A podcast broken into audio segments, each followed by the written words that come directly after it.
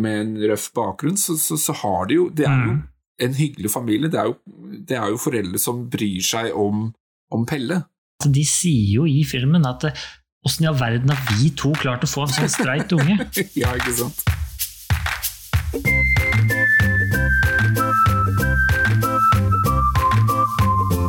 Hjertelig velkommen til nok en episode her på podkasten Norsk film er. Det er her vi plukker ut én norsk film, prater og nerder om. Mitt navn er Lars Kristian. Og mitt navn er Robert.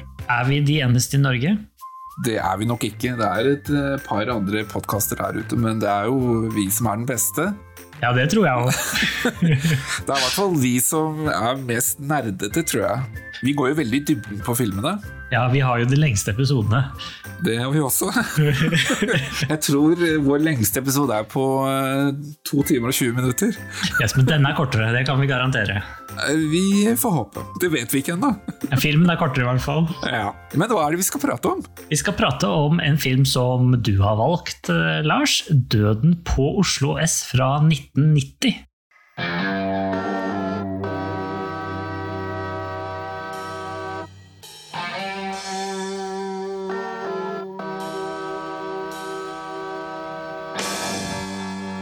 Hvorfor i all verden valgte du den filmen, eh, egentlig? Hvorfor jeg valgte den? Det er eh, Altså, dette her er jo nok en film som jeg har hørt masse om. Altså, det er jo en klassiker eh, i norsk filmsammenheng, i hvert fall på 90-tallet. Ja. Og jeg har aldri sett den. Å nei. Jeg har bare hørt masse om den. Og det er jo en sang knytta til den, 'Englefjes', som er sunget av DumDum Boys. Skrevet spesielt til filmen. Og det er liksom alle disse her eh, elementene som man har hørt, og man har kanskje sett noen klipp, og sånn, men jeg har aldri sett hele filmen. Så nå eh, tenkte jeg at nå velger jeg den. Denne klassikeren, og det er jo til og med en kvinnelig regissør. Mm, Eva Isaksen heter hun vel, hun? Gjør hun ikke? Det stemmer. Dersom du foretrekker å starte med en gang med å lytte på vår næring om filmen Døden på Oslo S, da kan du hoppe fram til tidspunktet 21.45. Dette her anbefaler vi selvfølgelig ikke, da vil du jo gå glipp av masse artig prat om filmen. Du har sett filmen nå? Jeg har sett filmen eh, et par ganger nå, ja. Eh, Ja. Så um, veldig klassisk 90-tallet. Mm, absolutt. Si. Ja. Du vokste vel opp samtidig som denne filmen, du, Lars? Det gjorde jeg. Eh, Jeg, var, Var du 15 i 1990? jeg begynte å nærme meg, i hvert fall. Ja, ikke sant? Litt yngre, kanskje. Ja, nettopp. Litt tidlig, men det var jo kanskje også litt uh, målgruppen også. Det er jo regnet som en, en barne-ungdomsfilm. Absolutt. Men har du sett Det vil jeg også si at det er, altså en barne- og ungdomsfilm. Ja. I hvert fall en ungdomsfilm, kanskje ikke barnefilm. Det er jo ikke sånn at du setter den på til sjuåringer, liksom. Nei. Nei. Ja, jeg har sett filmen. Har, har du lest bøkene? Ja. Eller boka? jeg tenkte jo litt på dette her sist, men da huska jeg det ikke helt. Jeg kan si med sikkerhet at jeg har sett denne filmen, eh, og at jeg så den som ungdom. Det husker jeg. Jeg har ikke lest boka. Boka som selvfølgelig er skrevet av eh, Ingvar Ambjørnsen. Nettopp. Og det er jo ikke første filmen vi prater om som er skrevet av Eller som er basert på en bok av Ingvar Bjørnsen. Eh, vi har jo eh, Vi har snakket om Elling tidligere, Stemmer. men dette Elling kom jo mange år etterpå. Ja. Ja.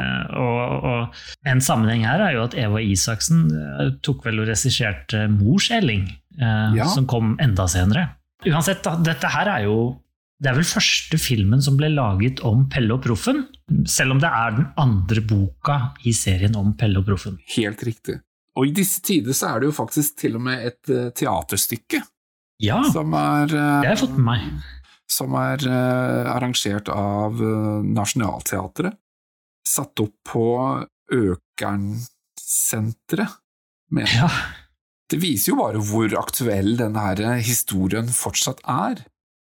ja. At de setter opp et teaterstykke basert på boken også, og så ja, folk er fortsatt interessert i den. Ambjørnsen sa selv at eh, grunnen til at han stoppa å skrive Pelle og Proffen-bøker på slutten av 90-tallet, eller midten av 90-tallet, var fordi at da hadde språket endra seg så mye at eh, da måtte han, han passa ikke inn lenger. eh, Og miljøet lenger hadde endret seg så mye at det, passa ikke. Språket i Oslo hadde blitt annerledes enn det vi får portrettert i denne filmen. Hvor, som jeg føler er ganske reelt, egentlig. Mm. Jo, det tror jeg også er en av grunnene til at den ble, ble så populær, fordi den viser jo et tidsriktig og realistisk bilde av Oslo. Jeg tror det, ja. Og så kan man jo Om, diskutere om noe dystert. Nettopp. Eh, Men det tror jeg faktisk også man, mange følte at det var. I hvert fall etter å ha sett denne filmen. Da tenker jeg at folk kom, eh, reiste fra bygda til Oslo og tenkte det at vi kommer jo til å daue antagelig. Altså ja, Vi skal aldri flytte til Oslo. Nei, men, men, men jeg tenker jo litt på at de gangene jeg liksom passerte Oslo på den tiden, eller kanskje litt seinere, mm. så, så, så minnes jeg liksom at det var sånn Oslo så ut. At det var liksom mørkt og trist og støvete og fælt, og det var bare en motorvei som gikk gjennom uh, Oslo. Og? I dag så ser det jo helt annerledes ut. Det er jo Absolutt. mye renere og, og, og finere, sånn sett. En vakrere sentrum. Jeg syns absolutt filmen eh, tok tak i noe som, eh, som virket realistisk. Da. Så kan man jo diskutere i ettertid eh, hvor, hvor keitete replikkene er og sånn. ikke sant? Da snakket man virkelig på den måten? Ble den litt for amerikanisert og sånn? ikke sant? Det er jo sånne ting man kan, Ja. man kan ta tak i, men, men, eh, men jeg syns den på en måte treffer nå, da. Jeg mener du husker man snakka litt sånn, jeg, altså. Hvis Ja. du skulle snakke litt røft, liksom. Du, du vanka i de miljøene, eller? Ja, ikke i 1990. Eh, 1990 så var det veldig lite vanking i det hele tatt for min del, faktisk. Ja. Men eh, ja, det, jeg, jeg bare kjenner igjen litt av språket, liksom. Ja. Altså, jeg, jeg tror det språket er reelt, og så er det heller det at vi har to helt ferske skuespillere eh, og, som skal prøve å levere det, rett og slett. Som er, det er jo det, når du lager ungdomsfilm eller barnefilm med barn i hovedrollen, så er det jo begrensa hvor mye Altså hvor heldig du kan bli, ikke sant. Mm. Disse personene er nok kasta pga. utseendet, først og fremst. Det er i hvert fall det jeg har lest meg fram til at de gjorde. Det skal visstnok ha vært 800 personer på audition for, å, eh, for Pelle, da. Det var vel egentlig eh, debuten til Håvard Bakke, altså som spiller Pelle? Ja, jeg mener det. Og det, det var det de sa, og idet de så Håvard, Håvard Bakke, så tenkte de wow. tenkte de. Her er det en person som har liksom den utstrålingen som vi trenger. En sikkerhet i seg selv, på en måte, i lav alder. For han er jo eh, 15 når han spiller rollen. Ja. Vi kan jo gå gjennom kjapt eh, de andre som også er med. Altså Proffen, kameraten til Pelle, er jo spilt av Tommy Carlsen. Og Lena, denne tenåringen som Pelle møter, eller begge to, da, spilles av Helle Beck Figenschou. Og fikk vis- visstnok veldig stor oppmerksomhet for denne rollen. Det er kanskje ikke så rart. Og spiller jo også i Alle, disse tre spiller jo også i de påfølgende to oppfølgerne. Mm. oppfølgerne. Hun fikk så mye oppmerksomhet for den rollen at hun har egentlig trukket seg litt ut av skuespilleryrket. Ja, hun jobber som lege. Ja, et eller annet sted i Oslo. Ja, Så det kan være at du faktisk får da denne Lena som lege. Ja, det kan hende at det er fastlegen min, hvem vet? Ja. Kanskje du burde gå opp til legen en tur og sjekke? Altså. Ser du hvem du har? Um, hvilke andre er det vi som spiller med, Robert? Du, Det er flere her. Eh, Britt Elisabeth Hagensliv, f.eks. Hun er Ja. et kjent ansikt. Eh, Viggo Jønsberg spiller far. Eh, Britt Elisabeth spiller da mor til Pelle. Sa du Proffen blir spilt av Tommy Carlsen Sandum? Ja. Eh, Så har du Filla. Spilles av en kar som heter Henning Syverud. Så har du en kar som heter Leffy, som spilles av Roy Hansen. Det er jo kameraten til foreldrene. Eh, Nei, ja, det er kanskje Ja. Eh, Ja, riktig. Og så har du han Stein, som har et snodig navn som ikke jeg skal prøve å uttale engang. Porfiro eller noe sånt nå. Ja. Så har du den mest kjente, kanskje, Bjørn Sundquist, Skurken som er skurken sjæl, ja, som spiller Skånseth. Ja. Jeg oppdaget også et annet navn som eh, Et navn som vi kanskje drar litt kjensel på. Stein Winge. Ja, Det er jo faren til hun jenta som spiller i Byttinger. Å ja, Julie Winge. Ja. Eller så kan jeg også nevne det at Geir Kvamme, eh, Kvarme er jo med. ja. En av disse her eh, småskurkene som driver og vanker på Oslo S. Ellers så kan jeg også nevne en liten sånn historie knytta til Aksel Helstenius, altså han som har skrevet manus Ja, til, eh, til, til filmen. Og det kom fram at, eh, at noen mente at boken med sitt tema om dop og prostitusjon, ikke lot seg filme som en barnefilm. Ja, ja. Men eh, tre år senere så sto den på kino med elleveårsgrense. Det er ganske banebrytende da, at eh, en sånn film med det temaet får eh, bli vist til et sånt publikum. Da. Når vi først er inne på Helstenius kan jeg, altså Helstenius er han som har skrevet, tatt boka og skrevet om til filmmanus. Nettopp. Jeg vet ikke, altså Når han var ung, som liksom ny manusforfatter, så bodde han, eller hadde han kontor i Skippergata. Du kan jo tenke deg hvordan det var. Mm. Eh, Det, Skippergata i Oslo er jo kjent for å være det horestrøk. Prostitusjonsgaten. Prostitusjonsgaten. Mm. Eh, Og spesielt på 90-tallet, da var det mye snusk nedi der. Mm. Eh, og eh, han var der, da. Han jobbet da til alle døgnets tider med liksom forskjellig, ikke sant.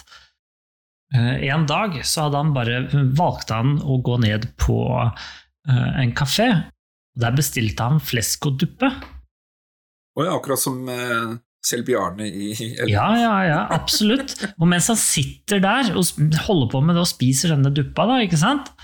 så ser han da en ung jente som sitter alene inne i denne restauranten, og det var noe med eh, henne som gjorde at eh, han fikk liksom Altså dro, det var noe med henne, da. ikke sant?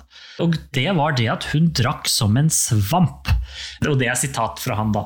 Eh, Hun bare helte innpå halvliter etter halvliter, helt sånn uaffisert. Så han gikk bort, og så begynte han å prate med henne, og navnet hennes var Lisa. Oh, ja. Og hun var eh, veldig ung, eh, mye yngre enn det han var. Og han var jo også ung på det tidspunktet. Og grunnen var at hun drakk seg til mote fordi hun skulle på jobb. Fordi at hun var prostituert og solgte kroppen sin. Ah. Og de kom da i prat og sånn, så det eh, hun gjorde, det var å ta med seg Helstenius ut i natta, ut i gatene, og viste han alle de mørke sidene med Oslo som han ikke engang kjente til fra før av. Og han pratet da med kundene og andre i omgangskretsen hennes, og masse personer da. Og hun fortalte da om sin ødelagte barndom, og hun leste noe dikt for han som hun hadde skrevet, som var virkelig da triste greier. ikke sant? Så gikk de rundt, og de prata hele kvelden og hele natta helt til morgenen kom. Da morgenen kom, så tok Helstenius og så betalte han henne 3000 kroner for tapt arbeidsfortjeneste. Og siden har han aldri sett henne noensinne noen gang. Og den han egentlig så, var jo da Lena ifra boka. Men det fikk han først vite en uke etterpå, når Ingvar Ambjørnsen sin bok havna i fanget på han. Og dermed så skrev han manuset. Nei, men det er, jo, det er jo sånn man får inspirasjon. Sånn tilfeldighetene Så han, han, han møtte rett og slett virkelighetens Lena. Du, hvem er du egentlig? Jeg går med posten din. Roy kan masse, han. Hva da, for eksempel? Hva Roy, ikke sant? Roy, ja. Typisk han å miste klokka si. Han er jævlig flink til å gå. Det er ikke som prøvde å rappe postveska mi. Joy! Er du der? Før vi går i gang med selve postkassen, så er det en nyhet om en film som heter Love is War. Altså, dette her er en norsk film som kom ut i 1970, regissert av Lasse Henriksen. Det går rykter om at den filmen vil bli satt opp eh, her i Oslo en eller annen gang her i oktober Følger du med på vår Facebook-side, så vil du da få oppdatert info om denne filmen. Jeg tror dette her er en kul film, så eh, følg med. Har vi fått post, Lars? Vi har fått post, det stemmer det. Dette her er en kommentar som eh, er myntet på en episode vi har snakka om før. Det gjelder da om eh, filmen eh, To levende og én død. Ja, Og artig film. ja, filmen er veldig artig, den. Ja. Da er det en av våre lyttere, Jon Nilsen, som kommenterer på dine sportsuttrykk, Robert. I alle dager.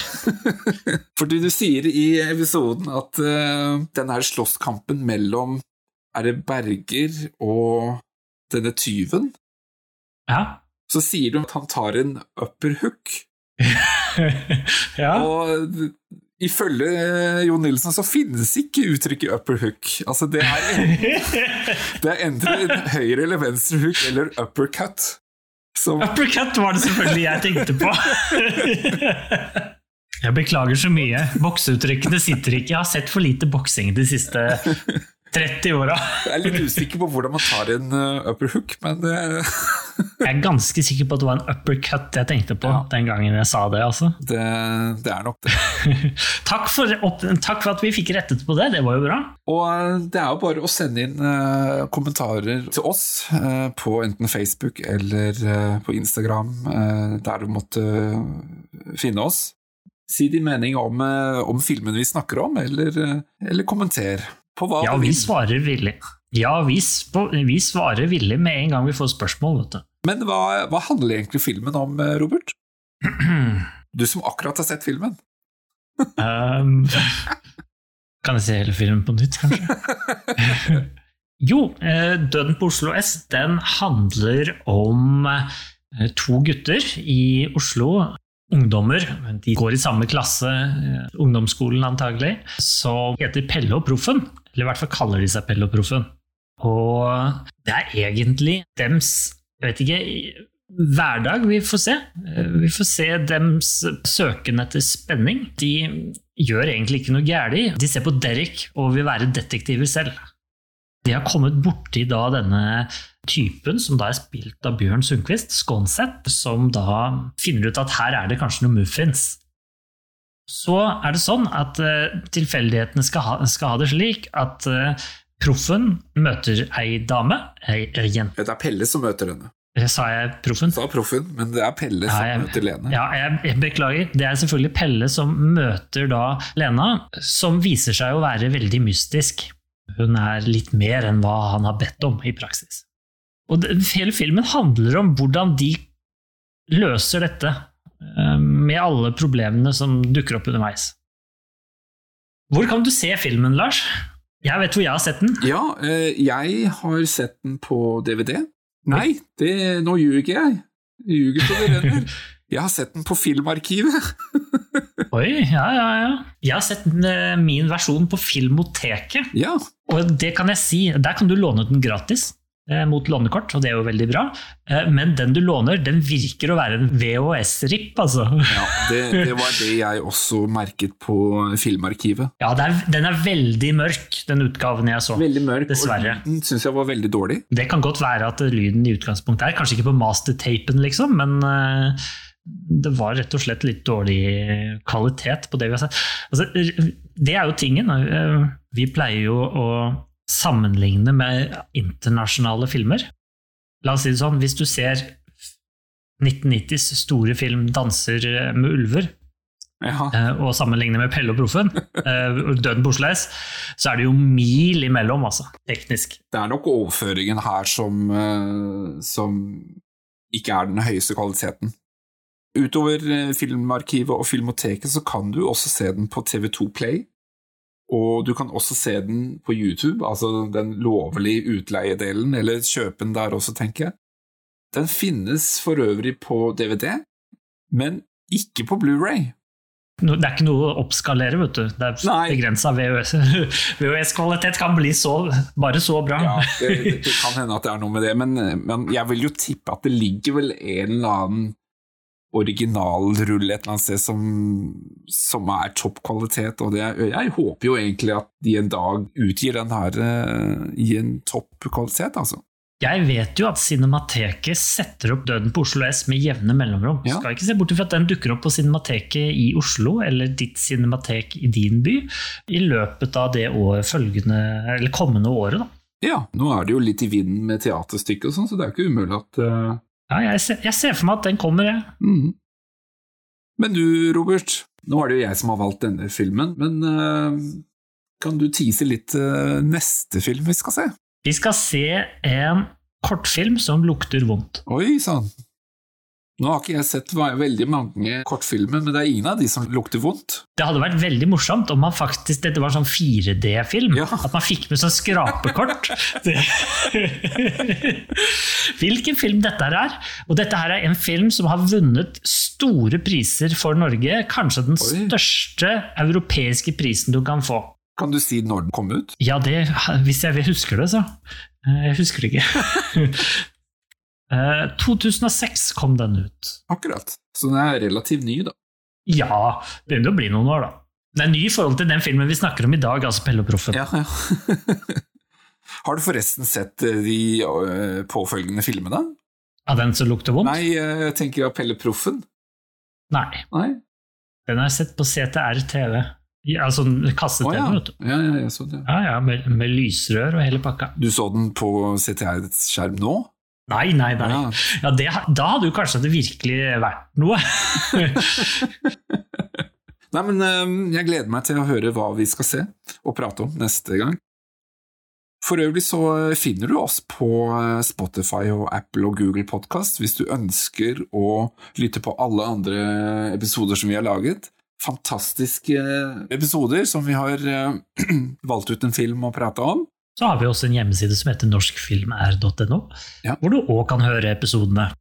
Så anbefaler å høre disse. Noen av episodene er kjempelange. Da kan du høre de på en lang tur på når du er ute og kjører, f.eks.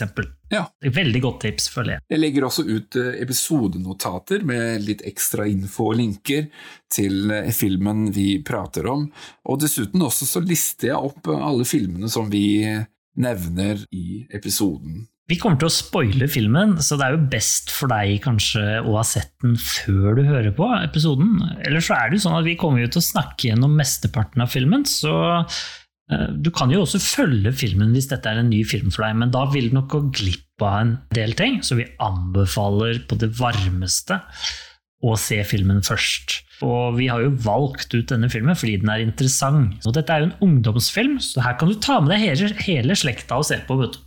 Men da, Robert, da syns jeg vi bare vi skal sette i gang. Ja, god idé.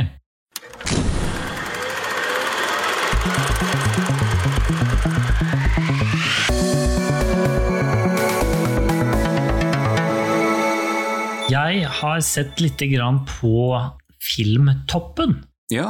når vi snakker om filmen. Fordi vi må jo, vi, vi må jo sammenligne dette her med noe. Altså, var det en hit? eh, 'Døden på Oslo S', eh, sånn i utgangspunktet. Og det var veldig mange personer som så den på kino. Kanskje ikke sammenligna med dagens standard og liksom topptallene fra 70-tallet, kanskje. Men det var 270 000 mennesker som dro på kino for å se den, og det er en ganske god suksess, det. Pluss at veldig mange så den, kjøpte den etterpå og leide den for å se den. Det er litt morsomt å nevne at det, dobbelt så mange så Døden på Oslo S på kino som så Alene hjemme på kino. Oh. Det ble smadra av Pretty Woman. Men eh, det var den beste norske filmen det året. ja. Det er jo det. Dette her er jo tross alt en ungdomsfilm da, som skal konkurrere. Ja. Og det er klart, eh, den største utfordreren det året må jo ha vært Alene hjemme. Og da tenker jeg at da har den virkelig gjort det. Skal vi hoppe inn i første scene? Eh, Jeg kan godt begynne litt, fordi den starter jo selvfølgelig med den der forferdelige teksten. Den gule mot svart bakgrunn. Det er jo det er helt håpløst. Det er nesten neongrønt. Ja. Men vi blir vel tatt med inn til dette Er det barnevernsinstitusjon, eller Det er jo det der guttehjem, pensjonat? guttehjemmet eh, til han herre Skånseth som han han Ja. driver. Men, det, men bare en liten, eh, liten kuriositet som jeg tenkte jeg skulle nevne i forhold til dette med den teksten, fordi filmen heter jo Døden på Oslo S, og det kommer jo opp i store gule bokstaver. Men før det Ja. så står det jo faktisk Pelle og Proffen. Ja, Som en- skrevet feil. Gjør det det? Ja, altså Det står jo Pelle og Proffen riktig skrevet, men det, men det er skrevet som at de hadde en skrivefeil og la inn F-en litt liten ned i hjørnet for at det skulle bli Proffen oh, med, jeg. med dobbel F. la ikke jeg merke til, ja. men, men det viser jo bare at dette her peker litt til bokserien. Mm. Dette er jo historien om Pelle og Proffen. Døden på Oslo S, og så er det Pelle og Proffen, ditten og datten i hva, hva, hva nå de andre bøkene heter, og filmen også. Så allerede her så, så, så er det jo nesten som at den skaper en filmserie, selv om Mm. de kanskje ikke nødvendigvis hadde tenkt at det skulle være en filmserie. De to oppfølgerne heter Giftige løgner og De blå ulvene. Har du sett de, forresten? Nei, jeg har ikke det. Jeg har ikke det. Nei. Det hadde egentlig vært litt interessant for, for karakterene og historien, den overordnede historien, kan man si da. Absolutt, absolutt. Eh, Men som du sier, eh, vi hopper jo rett inn i den der konflikten på dette guttehjemmet. Ja, og det er jo en konflikt da mellom denne, denne typen Skå- som heter Skånseth. eh, Filla. Filla. Ja, Skånseth, Skånseth og Filla. Ja. Filla heter vel Fredrik eller noe sånt, gjør han ikke det? Jo, jeg tror egentlig han heter det. Men eh, han ble jo kalt Filla resten av filmen. Ja. Jeg tror ingen foreldre har gitt et navn, eh, sitt barn navnet Filla. For øvrig så tror jeg Pelle faktisk er hans egentlige navn. Altså Pelle Ja, ja det, det, tror, Men tror du Proffen er hans Nei, egentlige navn? Nei, det tror jeg ikke. Men får vi egentlig vite hva proffen heter? Nei, jeg tror ikke det. Nei? Det er mulig vi får vite det egentlig i bøkene og tidlig den første Ja. boka. ikke sant? Sånn Ja, ikke sant? Men i filmen så heter de bare Pelle og Proffen. Men la oss bare ta Jeg vet ikke du, har- om du har lyst til å si noe om den scenen, ja, men disse to gutta da, på dette her hjemmet eh, Mm. til han Skånseth, som angriper han med kniv og alt mulig rart, da, og sier liksom at eh, de skal ta han da, i praksis. Og, og, og scenen spiller jo litt på våre antagelser om hva vi tror om disse karakterene som vi ser. Umiddelbart oppfatter jeg, og jeg tror også kanskje andre gjør det, at Skånseth er liksom den gode i dette oppsettet, mens disse her to unge guttene er liksom bråkmakerne og egentlig bare er ute etter å skape trøbbel. Riktig, altså vi, På det tidspunktet, altså disse par minuttene ut i filmen, så har vi jo ikke noen annen grunn til å tro noe annet om Skårseth ennå. Det er også en grunn til at de går etter Skårseth. På nåværende tidspunkt så vet jo ikke vi den egentlige konflikten, vi, vi kjenner jo ikke Skånseth engang. Uh, Nei, ikke sant? Men vi blir jo introdusert for tre personer. Ja. Ikke sant? Altså vi, vi får nå vite om tre av personene som for så vidt ikke er hovedpersoner i filmen, egentlig. Men De har birollen i filmen. Men, men scenen i seg selv er jo på en måte litt sånn avskåret, for vi vet ikke hva som har skjedd forut. Nei, det virker ganske rotete også. Ja, sant? Så- Vi bare havner midt inn i en konflikt. Så filmen gjør jo på en måte egentlig noe interessant ved at vi, vi, vi blir jo litt nysgjerrig på hva som egentlig skjer. Den holder oss, den holder oss litt på pinebenken. nevnte du at den filmen muligens var litt amerikanisert. og Dette er jo et typisk anslag, det skjer noe. ikke sant? Action med en gang. Vi sitter ikke og kjeder oss. Nå har vi fått en konflikt, Mm. nå må vi løse konflikten. ikke sant? Ja. Og så viser det seg at i neste scene så er det jo Ser vi ved Pelle og Proffen, gjør vi ikke det? Jo. De kommer vel ut av Eldorado kino, som, eh, Ja, ja. som ikke finnes lenger. Nei. Jeg husker ikke helt hvilken, hva gaten heter. Er det Storgate, eller er det Kirkegate? Nei, jeg- vet ikke hva den gaten heter, men det er jo den som går inn mot Youngstorget. Riktig. Den heter sikkert Torgata, Jo, tenker jeg. stemmer. Torgata. Helt riktig. Og det som også jeg eh, tenker her, er at nå, nå blir vi jo introdusert til hovedkarakterene, altså Pelle og Proffen. Mest, mest Proffen, kanskje. At vi skjønner jo at han liker film veldig godt, og film og krim, og han er veldig god til å gjennomskue plott og avsløre skurker i filmene. Ja, Så får vi en følelse av samspillet mellom disse Ja. to gutta. De fleiper med hverandre, og vi får, vi får de flotte hårsveisene fra tidlig 90-tallet her. Med en flott eh, hockey på, Og hår. på proffen her, og så har nei, på Pelle. Pelle, og så har vi en hva skal vi si, udefinert sveis på proffen. Jeg sitter jo og lurer på om, om Proffen har liksom fått dette navnet sitt fordi han er kanskje den som er mest detektiv av disse to. ja, det tror jeg. Det tenkte jeg også når jeg så på. Det er han som på en måte er interessert i det der krimmen og mystikken og, og avsløre ting.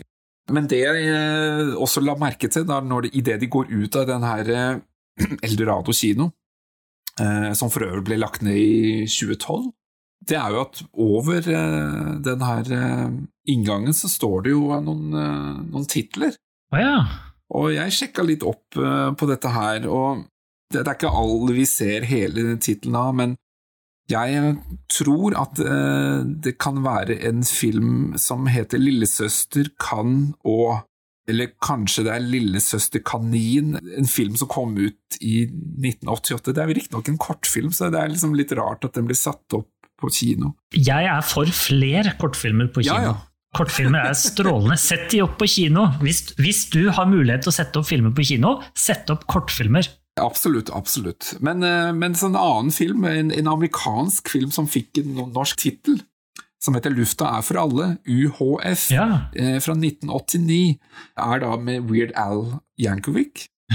Det er en annen film her som heter Viva Villaveien, som også kom ut i 89. Um, norsk komedie, Viva Villaveien.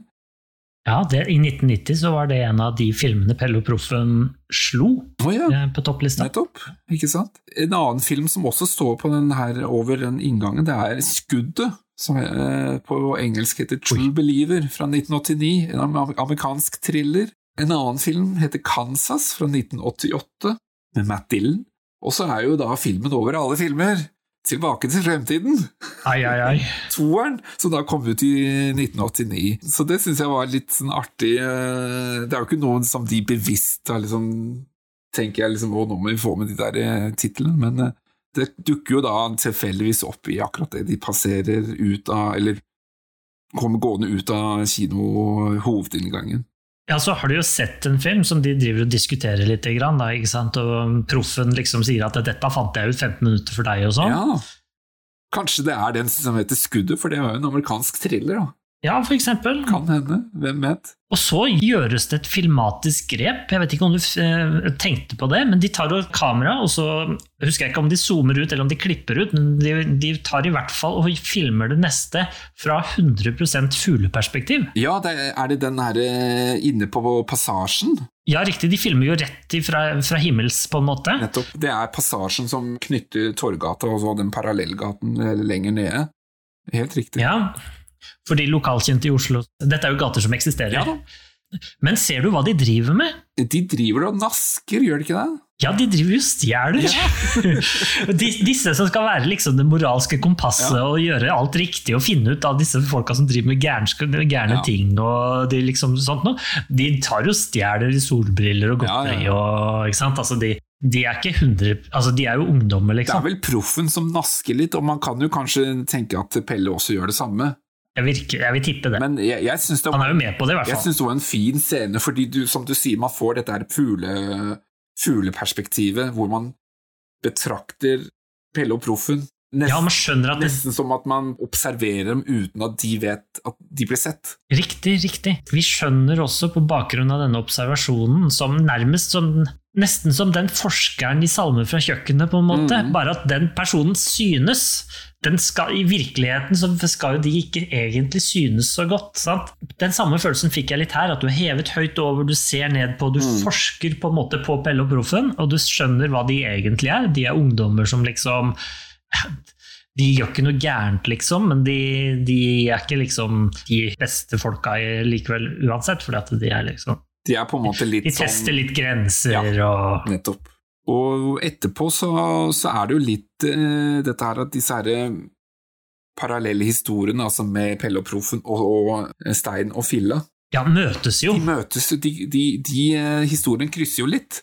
Fordi Ja. nå er det jo det at eh, Ja, de treffer jo inne på et eller annet smug, men jeg tenkte jeg skulle høre litt, altså hvordan oppfatter du forholdet mellom Filla og Pelle? Filla og Stein, da, de stjeler jo penga til eh, Pelle, ikke sant? Ja, fordi det er dette som skjer i neste scene, men jeg, jeg føler jo liksom det at Filla er en venn av Pelle. Ja, Og, og, og Proffen, tror jeg. ja da. De, de, Jeg tror, jeg tror de, de er i hvert fall bekjent Altså, Filla er i hvert fall eh, bekjent av Pelle og Proffen.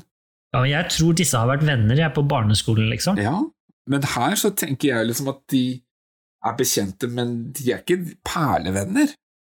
Nei, nei, men altså, du er ikke nødvendigvis supergode venner med alle du gikk på barneskolen med. Altså, disse var sikkert venner på barneskolen og spilte fotball sammen og gjorde liksom disse kule tingene som man gjør på barneskolen. Og så har de gått litt hver sin retning, hvor du har Pelle og Proffen. De går litt sånn i streitere retning, ikke sant? Ikke noe narkotika, ikke noe tull. Bare litt sånn smånasking og sånt noe. Mens Filla, han, han derimot er ute på kjøret, altså. Og han har da fått nye venner, og jeg tipper at den nye, nye vennen hans i gåseøynene er Stein. Og at Stein egentlig ikke er vennen hans, men at Stein utnytter Filla. Fordi Det virker som at Filla skal betale Stein.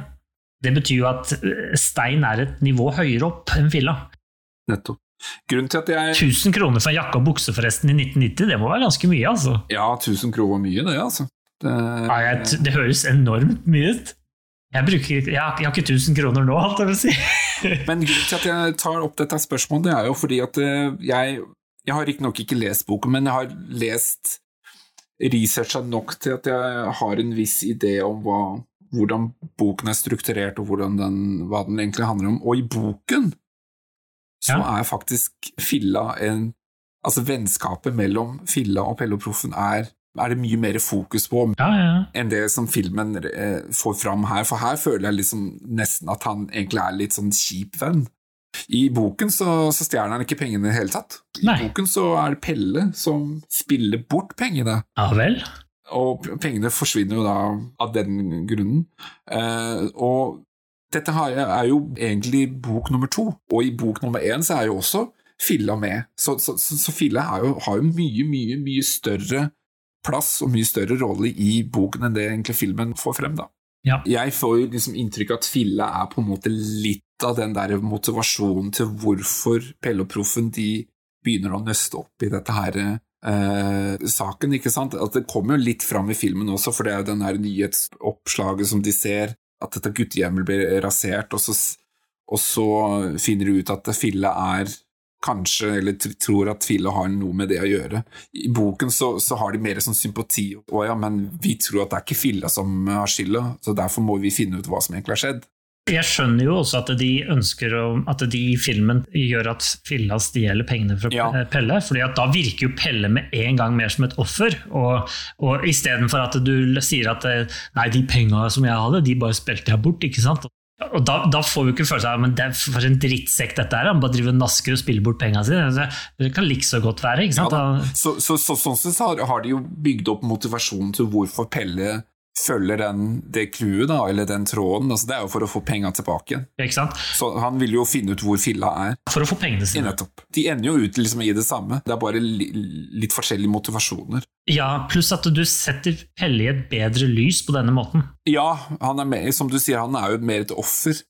Men på Ja, mer, han, han virker jo mer sympatisk med en gang. ja, Fordi Hvis han hadde bare spilt bort pengene sine, så hadde han seks minutter ut i filmen, så hadde han virka som en teit ungdom som på en måte Ja. bare gjør dummet valg. ikke sant? Egentlig. Her er poenget at han skal være den hyggelige som faktisk låner bort penger til denne personen som han ser åpenbart egentlig ikke trenger disse pengene, fordi at han kommer til å bare kjøpe dop for dem. ikke sant? ja. På den annen side så, så, syns jeg også det var litt interessant det der med at det vennskapet til Filla er også mye tettere, og at de faktisk har mer eh, sympati for han. Jeg likte jo liksom også det aspektet, da. Det kan jo være at det ikke er så lenge siden han havna på kjøret. Det kan godt hende. Ja, At det liksom er et halvt år siden, og dermed Pelle fremdeles liksom ja. ja. Kom igjen, da. Neste del altså Fram til nå så føler jeg liksom at filmen er liksom ganske generisk. Ja, på en måte. ja. Neste scene derimot syns jeg er veldig fin. Det er hvordan de presenterer Lena? Lena. Ja, for da, nå er vi jo inne på Burger King. Ja, Jeg har ikke så heller fett, ikke sant? Mutter'n måtte omtrent pantsette de der crazy påførkjolene sine for å få råd til spenna. Vi går rundt i sånne der sprø kjoler. Det er alt jeg har igjen. Du har litt dårlig råd, da. Ja, jeg ler ikke av det. Altså. Jeg bare så for meg de crazy påfuglkjolene til mora di. Ja, det er noe sånn hippiegreier. og Pelle driver og putter ketsjup i drikka si. Vent litt, grann, forresten. Før det, det var, det, det var poenget mitt. Før vi får se at de sitter her, så får vi, følger vi noen bein som beveger seg oppover en trapp. Ja, Dette er det samme som vi på en måte ser i, noen år senere ser i Eggs, f.eks. ja. Altså, måten beinene på en måte er det vi blir presentert av. Vi skjønner at denne personen her skal ikke bli avslørt enda, men veldig snart. ikke sant? Er det beina til Lena? Det er jo beina til Lena som kommer innover i da Burger King, Mm. eller Burgeren heter det vel, Ja. tror jeg. Eller gatespråket. Og så kommer hun, og hun slår jo seg ned ved siden av denne her litt keitete Pelle, som sitter og putter ketsjup oppi vannet sitt, og ser stirrer på dette her som at det er tidenes vitenskaps, vitenskapsundersøkelse. Det forteller jo litt om forskjellen på disse to menneskene, tenker jeg. Lena, utadvendt type. Vi møter jo to hva skal man si, to personer som har jo litt sånn uh, forskjellig bakgrunn, vil jeg tenke. Ja.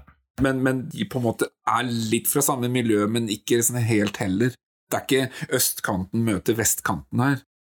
Nei, nei, nei. De er relativt ulike bakgrunn, tenker jeg, og det syns jeg egentlig er litt sånn interessant utgangspunkt. Ja, Pelle har jo disse hippieforeldrene sine Mm. som på et eller annet tidspunkt har vært ute på kjøret selv, ikke Ja. sant, sikkert? Ja. Og hun her har jo da sine foreldre som er delvis døde eller vært på kjøret selv. Så jeg føler jo det at de har samme bakgrunn, og at de kommer fra samme stand, nærmest. Altså de har begge ganske la, eh, små kår Ja. eh, i, oppveksten. Det er jo ikke sånn at eh, Lena kommer fra vestkanten med Nei, nei. millioner på bok Nei, og sånt noe. Hun har ikke veldig mye. Hun vel men hun er jo jeg, jeg ser jo litt for meg at hun egentlig er litt mer hun er jo dropp. Ja, men jeg tenker på altså, Pelle kommer jo fra en relativt grei familie. Det er en relativt stabil familie. Jo, men jeg oppfatter jo at uh, Det er fattigdomskår, da. Ja, ja, men, men jeg oppfatter at kanskje Lena er enda bedre sånn Enda verre. Ja, verre øh, utgangspunkt, da. ja da, det er for så vidt riktig. Han har jo to foreldre, Pelle, og, Ja. Og det jo det reelle som virker veldig glad. Bra Ja, foreldre. ikke sant? Altså, det, det- ikke sant? det inntrykket jeg får av moren til eh, Lene, da Lene? Lene? Lena? Jeg glemmer Lena, Lena. det er jo at, Hun sier jo at hun er jo helt sprø, ikke sant? Så det er jo tydeligvis en eller annen konflikt der, da. Ja da, det er en stor konflikt der, Mm. åpenbart. Den er så stor at vi aldri får se mora. Ikke sant? Men, men uansett, da.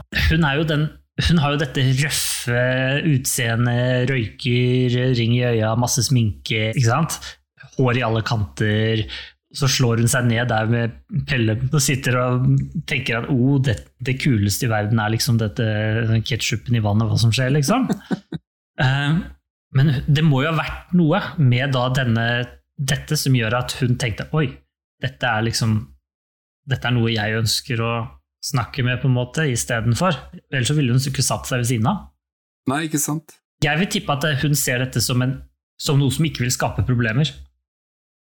Altså, hun er jo på kjøret, sant. Altså, dette vet vi ikke per nå, men altså, hun, hun selger jo eh, kroppen sin, eh, og hun eh, går på heroin. Så det er jo ikke noe bra. Pelle virker nok som en sånn trygg havn der og da som liksom kan få et friminutt, rett og slett. Oppfatter du at Lena er liksom allerede på skråplanet, altså i den scenen? Ja, på dette tidspunktet så eh, eh, går hun på heroin. Ja, for hun virker jo mer voksen enn det hun på en måte kanskje egentlig Altså hun fremstår mer voksen enn det hun egentlig kanskje er, da. Pelle og Proffen finner jo ut av at den, eller Pelle finner ut av at hun dukker opp på noen bilder Mm. eh, sammen med Hans Skårseth, som da er av seksuell art. Og da sier de jo at han, han driver med seksuelle handlinger overfor mindreårige. Og da må jo hun nødvendigvis være mindreårig. Og hvis Pelle skal være 15, så må hun være 15.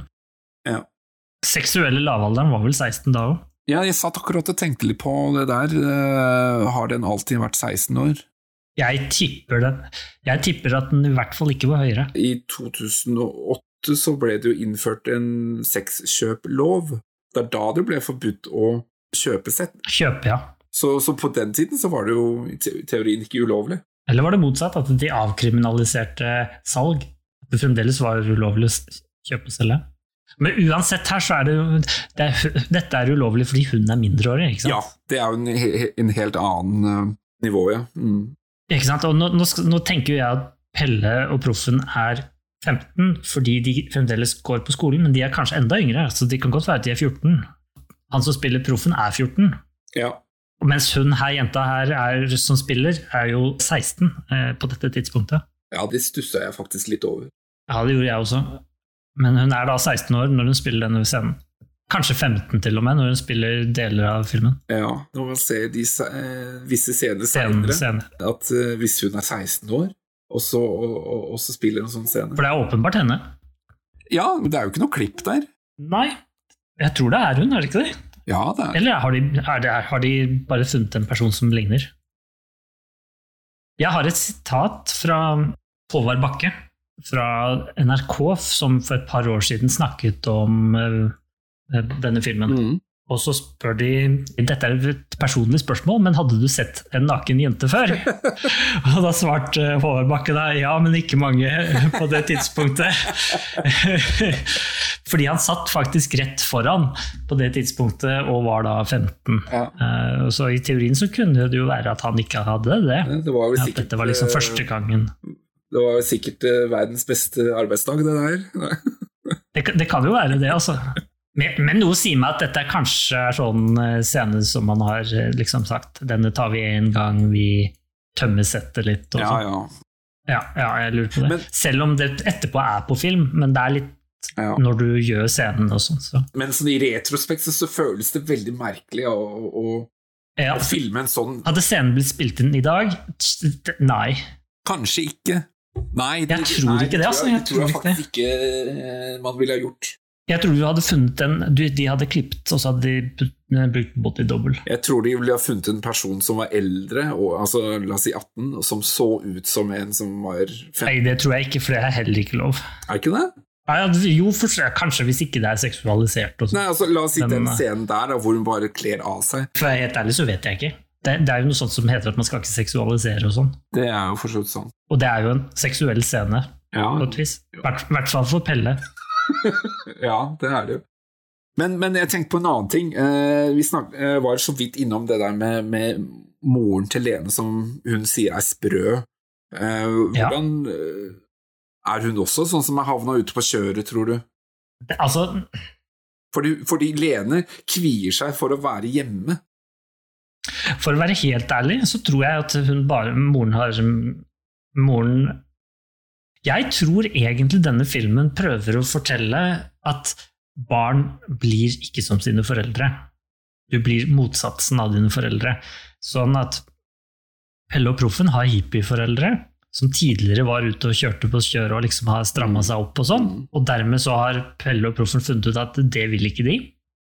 Mens at hun her har derimot hatt foreldre på et tidspunkt, i teorien da, som har vært streite, men kanskje de har hatt noen andre utfordringer. Åpenbart, faren har dødd, mm. så hun har ikke hatt noe fast mannsperson i, i sin oppvekst, som kunne gi en liksom tydelige rammer og sånn for hvordan du oppfører deg rundt vanlige mennesker.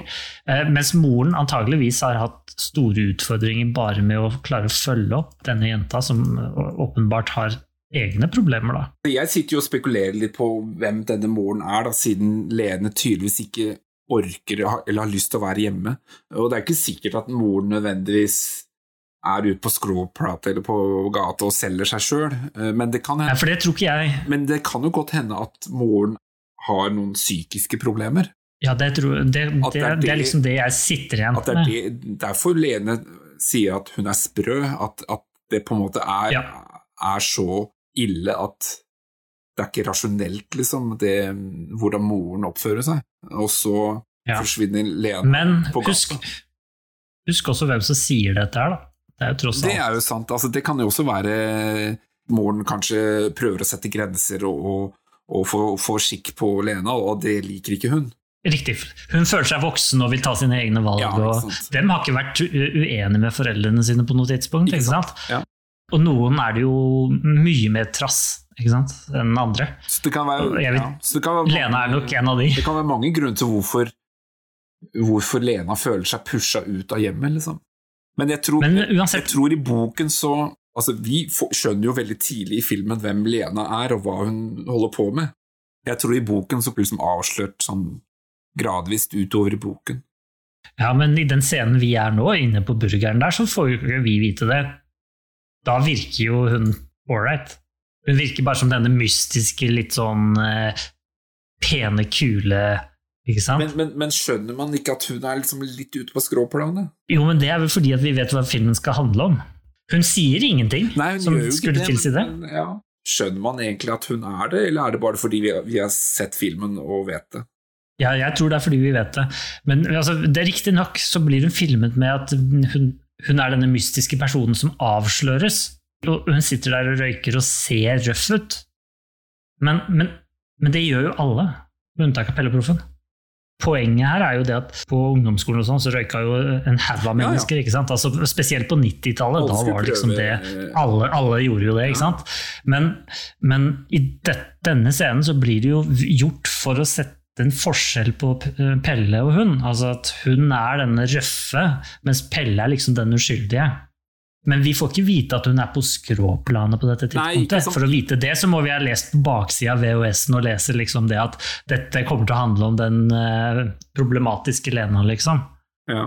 Hvis vi bare har sett de syv minuttene fram til dette tidspunktet, så virker hun mystisk. ja, det er kanskje mer det at vi, vi skjønner at det er et eller annet med henne, men vi skjønner ikke hva det er.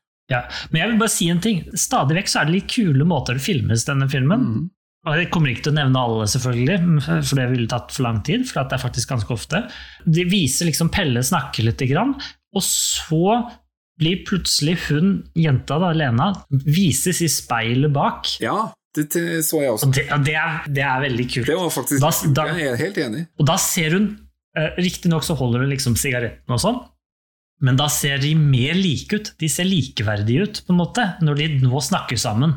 Og hun ser mindre røff ut. Håret hennes er mer normalt. Hun smiler, smilerynket. Liksom er liksom, hun er liksom den søte jenta, liksom.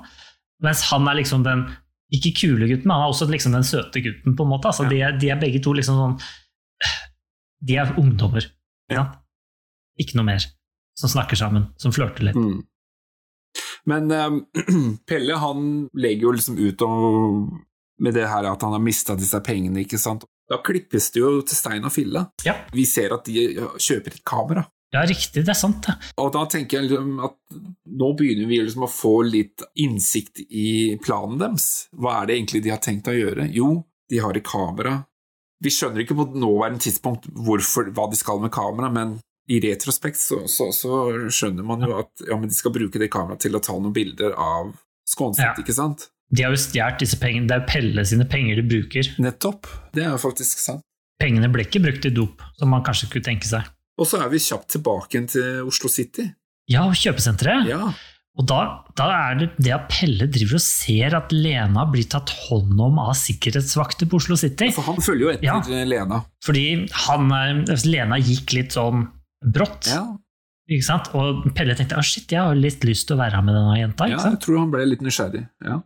Ja, det, det er jo ikke så rart, det. ikke sant? Altså, det kommer en jente, altså, når jeg var 15, det var ikke fryktelig mange jenter som kom og satte seg ved bordet, bordet mitt. på en måte. Og hvis det skjedde, da, da, da tviholdte du fast i muligheten. ikke sant? Røyka de også?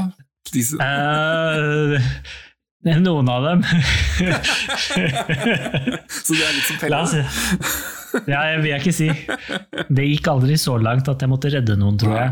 Og så blir hun tatt hånd om av kjøpesentervaktene, som har lagt merke til at hun er en menneske som driver henger på kjøpesenteret, antageligvis for å prøve å, å få tak i kunder, tenker jeg. Ja, for jeg, jeg tenker jo at uh, den der planen til Lene har liksom gått i vasken. Altså, hun har prøvd å stjele den der jak jakka, og så har hun blitt tatt.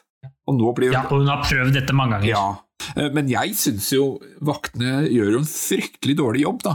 Hun har blitt tatt for nasking, og vi vet jo i scenen senere at hun faktisk eh, har klart å få med seg den der buksa eller jakken eller hva nå enn eh, hun Ja, det, Altså, Hvis hun har blitt tatt for nasking, ville ikke de vaktene ha sjekka, De har vel- sjekka bager og alt og Men jeg lurer på om de ikke tar henne for nasking. Jeg lurer på om de tar henne fordi hun er tidligere nasker eller tilsvarende, og at de sier sier ja. 'deg har jeg sett før'.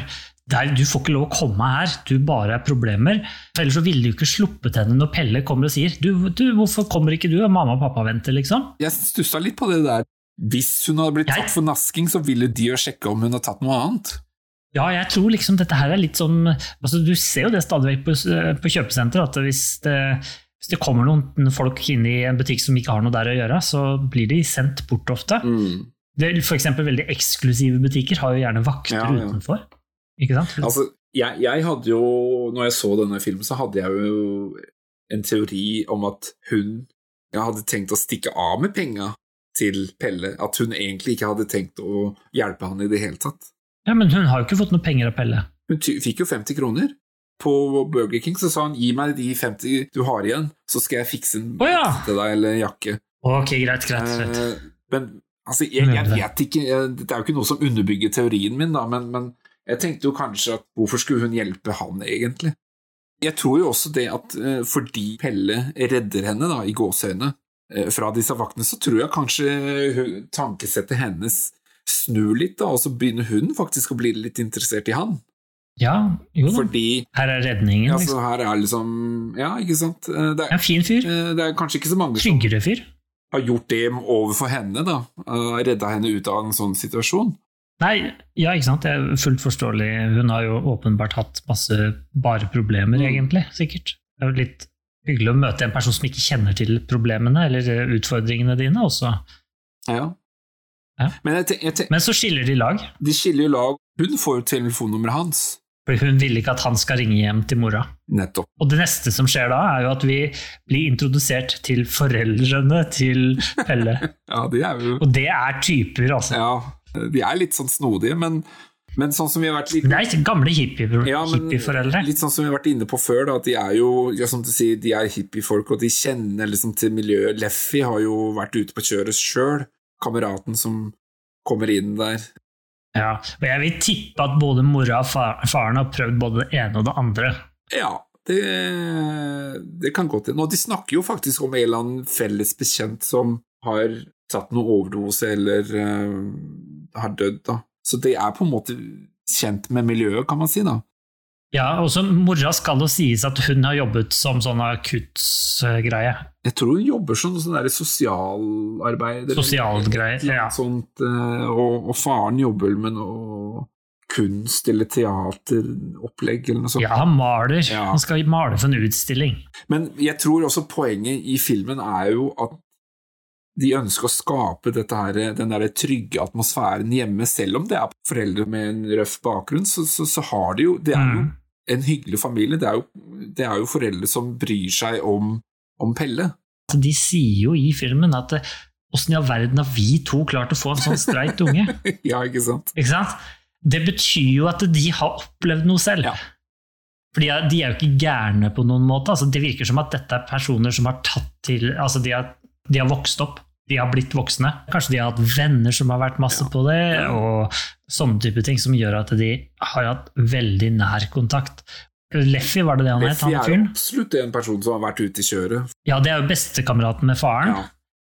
Og han hadde jo da vært gått på heroin i seks år, og brukt seks år til på å komme seg ut. Nettopp. Det er jo tolv år, det er ganske lang tid. Altså, det er fra 20 til noen og 30, ikke sant? Mm. Og kanskje det var andre ting tidligere. Så jeg vil tippe at disse kanskje var foreldrene klarte å stoppe på enklere stoffer. Ja, ja, absolutt. Altså, det, det blir jo liksom, det er litt sånn hippie-referanse. Altså, Ingvar Ambjørnsen er jo hippien sjæl, ikke sant? Eh, absolutt. På mange måter så er faren til Pelle, Ingvar Am- Ambjørnsen, ja, kanskje det. Han er klin lik. Langt hår og røff i utseendet, ikke sant? Ja. men egentlig god på bunn. Det skal jo også sies at han har skrevet disse bøkene mens han var høy som et fjell. altså.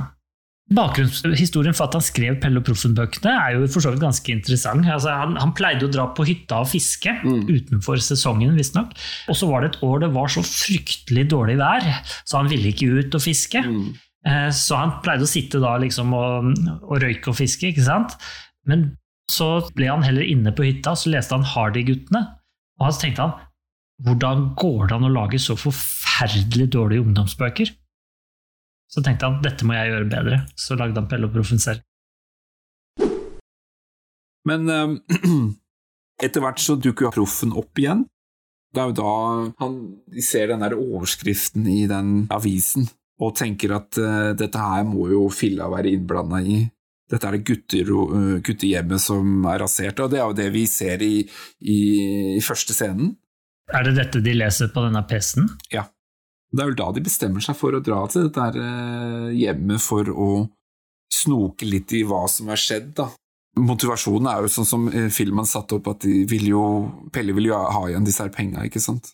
Og de driver og snoker rundt på dette stedet, men er det stedet er det egentlig Majorstuen skole? Er det det? Nei det bare ligna sånn. Oh, ja. Jeg bare tenkte på det. Men det er nok ikke det. Men de, uansett, da, så går de inn, og de snakker jo med han derre duden. Skånsett. Ja, Petter Ness dukker opp. Ja, en liten bi der. Han har nesten siste navnet i rulleteksten. Han dukker opp overalt, han der eh, Petter Næss. Ja, Dukker jo opp ja. i Max Manus også. Jeg vet ikke hvor mye han er innblanda i dette her. Jeg tror det er bare en birolle der. Nei, men jeg tenker på i, i hele det opplegget. Produksjon? Ja. Hele opplegget med, Nei, jeg tenker på, på, på historien. Altså i opplegget med ja, han, sånn. eh, hvor- Hvorvidt han kjenner til dette? Han sier, Skånseth sier på et eller annet tidspunkt 'sett på rekorderen', så jeg tror han kjenner det. Ja, ok. Ja. Og mens er det, er det sånn at det er eh, Jo, mens proffen går inn og prater Nei, åssen blir det? Går begge inn og prater med dem? Går ikke både Pelle og proffen inn? Nei da, det er den ene som gjør det, og så den andre sitter og skal rote med bilen, Ja, og så blir det noe ja, bråk, det og så stikker de av. Ja, fordi Altså, De stikker av, og så setter de seg på, på trikken, og så snakker de sammen. jeg, jeg skjønner Jeg hadde litt sånn problem med å skjønne hvorfor den der skjermen var så interessant. Hva er det som er så interessant med den? Det er jo ikke unormalt at en, en, en bil er lakkert. Jo, jo men der tingen var at det var Det blir sagt et eller annet sted i denne filmen at det var noen som sneik seg bak og lakkerte horekunde. Ja, det er det han, de snakker om på den T-banen rett etterpå. Og det er liksom årsaken. At når den da bakfangeren har blitt nylig lakkert eller slipet ned, eller noe sånt, nå, så kan man tenke seg at han har blitt anklaget for å være en horekunde. Men filmatisk sett så syns jeg det funker veldig dårlig at de skal sitte og forklare det På T-banen. på T-banen med en dialog. Altså, Ja. burde kanskje ha vist det mer visuelt, da. For jeg, jeg, jeg satt der og skjønte ja, men hvorfor i all verden er så interessert i den der skjermen. Det skjønner man jo ikke der og da. Nei. Det er litt keitete, syns jeg. Ja, du, vi burde fått vite det først, og så Ja, De kunne hatt denne scenen først, at de sitter på T-banen og sier du, du vet at det er noe som blir kalt altså, Ja? Jeg leste noe om at det var noen som hadde fått lakkert horekunde bak på, på støtfangeren. ikke sant? Så da kunne de bytte det om, så hadde det vært naturlig progresjon i det, istedenfor at det blir retro, retroperspektiv. fordi det er noe med at eh, hvis vi som seer, vi begynner å skjønne plottet før karakterene, så, så, så gir det jo på en måte en bedre følelse, for da er jo liksom vi med, og vi, vi på en måte hva skal man si, avslører litt av eh, plottet før alle andre. Men her er det litt sånn at den er litt bakpå, og så skal de etterpå forklare en masse ting. Jeg er enig i at det er ikke den beste måten å gjøre det på. Men, men. Men den scenen avslutter strålende. Husker du hvordan den avsluttes? Ja, altså, er vi fortsatt ved Inne på T-banen. Inne på- Inne på T-banen. Ja, er det, er det der hvor de går ut, og så ser de filla på andre sida? Nei, ja det gjør de nok kanskje, men den siste oh, ja, scenen ja, scenen inni T-banevogna er jo at de, de filmer disse to eh, kjærestene som, som tar og Ja, kysser så fælt sammen. Og da tar Pelle og legger hånda rundt proffen Nei, nei da tar proffen og legger eh, hånda rundt Pelle, og så tar han og liksom Kom igjen! Mop, mop, mop? Så skal, det, så, så skal han kysse ham på kinnet. Sånn veldig sånn Det viser at de har et fryktelig godt forhold, da. Men det er jo også sånn Jeg husker jo sjøl at når man var liksom i den der eh, alderen, kanskje yngre òg til og med Altså når man Ja. eh, kom inn på det der med, med, med kyssing av jenter og jentelus og alt dette her eh, Altså Jeg håper jeg du var litt yngre, gitt. Jo, jo, men jeg sa yngre også. Da vet vi ikke hvor gamle de er, da. Nei, men, men, men, men, men yngre, da. Så, så, så Ja. det var jo liksom det der at man, man syntes dette var litt flaut, ikke sant? Det er, det er jo litt morsomt at proffen helt åpenbart synes dette her var litt enklere, litt kulere. Han var liksom over dumpa, liksom. Ja. Mens, mens liksom Pelle var liksom Nei, men gi deg med det her tullet her! Hva er det du driver med for noe? Ja, ja, Men, Men, men det var en annen ting jeg også tenkte på i forhold til den der eh, bilskjermen. For jeg syns jo det er en fryktelig dårlig plan, da. Altså, når de to oppsøker Skånseth Den ene går inn og prater med han for å, for å avlede han og holde han opptatt, og så den andre står der og faktisk skraper av den malinga, og, og det kommer fram hva som står der. De kunne jo faktisk ha vist hva det sto der. Det gjorde de gjorde de jo heller ikke eh, i forhold til det vi snakka om i stad. Men poenget mitt er jo at Skånseth vet jo absolutt hvem som har gjort det. Nei, Det kan jo ha vært hvem som helst. Ja, men han legger jo to og to sammen. Ja, det kan godt være. De er litt naive. Men han kjenner Ja, men de er jo ungdommer. Altså, de er, de er jo ikke Poirot, liksom. Nei, De prøver bare å være det. Men, ja, ikke sant? Fordi det er jo det de egentlig er. De er jo liksom to ungdommer som leiter etter problemer, og så prøver de å finne, løse de. ikke sant? Og sånn, Her har de havna i litt problemer sjøl, og da prøver de å løse de òg. Men har du lagt merke til hva proffen driver og skriver på sin PC? Ja, det er jo Han driver og skriver i et dokument. Han driver jo og, og, og oppsummerer liksom det de oppdager, da, at det er liksom dette guttehjemmet Håpet, som det heter. ikke sant? Det skriver han, og han skriver jo noen datoer og dette. Han skriver rett, et, rett etter de har vært, kommer hjem fra T-banen, så skriver han Håpet, dokument 3, bestyrer, Skånseth. Ja. Kollekleiva 13, status, ugift, lys Mercedes, hvitlakkert, bakskjerm, avdekker, horekunde. ja, stemmer det. Men tidligere i filmen, det sa jeg ikke, men der viser de også at han skriver noe. Der skriver han, og jeg mener det står Aftenposten, Ja, stemmer det. Det er, vel, i at han skriver dokument han har, lyst til å sende til Aftenposten. det er ikke bare det at eh, det er Aftenposten hvor de leser den overskriften. Den, om det Nei, Aftenposten eksisterte jo ikke på nett i 1990. Ja, men Dette er jo ikke noe nett, dette er jo bare et vanlig tekstdokument.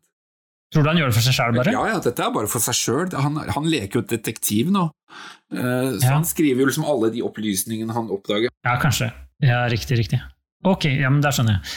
I neste scene så klipper de til uh, Åh, til Tigeren, men Tigeren var ikke der. Hva heter det for noe utafor Oslo S? Jernbanetorget? Ja, ja, ja, det er ved Ja, og der tårnet. tårnet, ja. Det er der ennå. Og det må jo selvfølgelig filmes, fordi at det tårnet er jo helt nytt. Er det det? Det vil si, det er bare, det er bare et par år gammelt når Pelle og Proffen blir spilt inn. Ja, de kommenterer jo faktisk det tårnet, at Ja, han ene sier at det var veldig fint. Ja.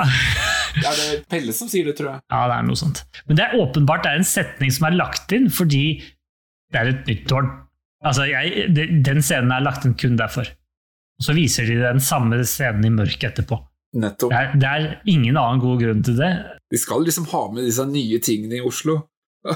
Ja. Akkurat sånn som Pax ikke sant, skal ha med operaen på slutten når den blir Ja, bygget. ja, ja. og sånn. Ja. Men det er jo logisk, Ja, det er i grunnen. Men jeg tenkte ikke over det. Jeg har jo sett det tårnet her i alle år. Så jeg har liksom tenkt at det Ikke sant? Det som skjer nå videre, er jo det at Pelle og Proffen er på jakt etter han eh, Filla. Filla, ja. Og de går inn på Oslo S. Og de oppsøker noen andre kamerater. Ja.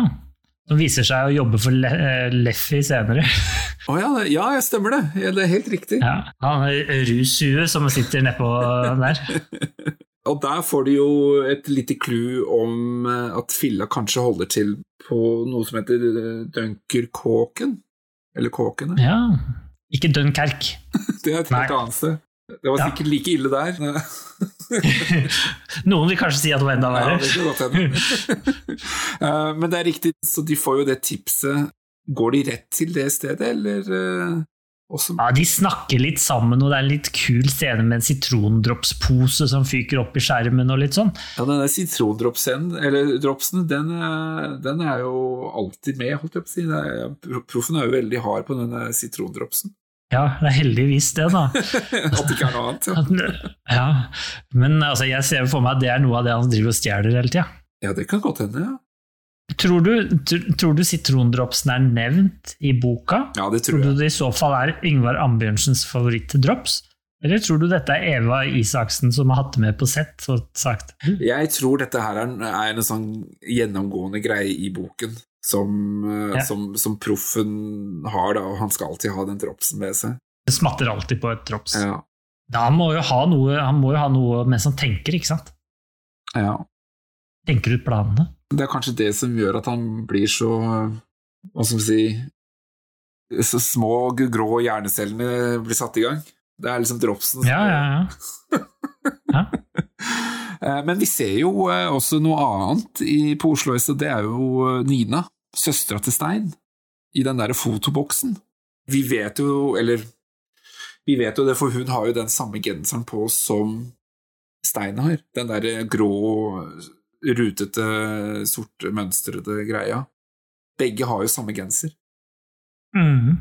Uh, jeg syns det var kanskje litt sånn der uh, Unødvendig.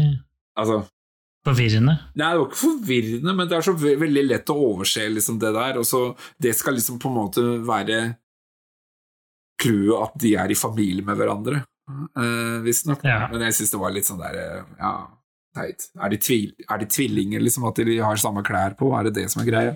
Senser vel det samme ting. Ja, kanskje sånn ja, Telepatisk. telepatiske.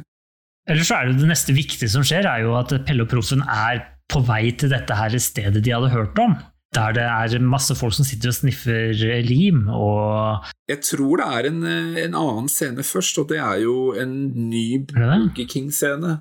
De er jo tilfeldigvis eh, akkurat der, og så sier jo Pelle Nei, men jeg skal bare inn og og eh, sjekke noe, liksom, for han har jo lyst til å møte, sjekke, eh, møte Lena og sjekke om hun er der. Og dette er litt interessant, fordi Pelle vil jo ikke at uh, proffen skal være med. Nei, det er klart. Og her er det litt sånn derre Den derre duoen begynner å, å slå litt sprekker, da, tenker jeg. Altså, Ja, det varer ikke så lenge. Nei, kanskje ikke, men jeg syns det er veldig litt interessant at de tar med det der med at eh, Pelle han på en måte begynner å pushe proffen litt ut av den der eh, vennskapet litt, da. Ja, men det, det er jo ikke det han gjør. Jeg tenkte ikke på det på den måten. Jeg tenkte Ikke som at han dytter han ut av det, men jeg tenker mer som at dette er en ny situasjon. En situasjon Pelle aldri har vært inne i, eh, og det er veldig sårt for Pelle. Og dermed så tenker han at dette vil han oppleve, prøve alene, sånn at han tilfelle det går gærent, så skal ikke proffen få vite det før Ja, det liksom, eventuelt etterpå.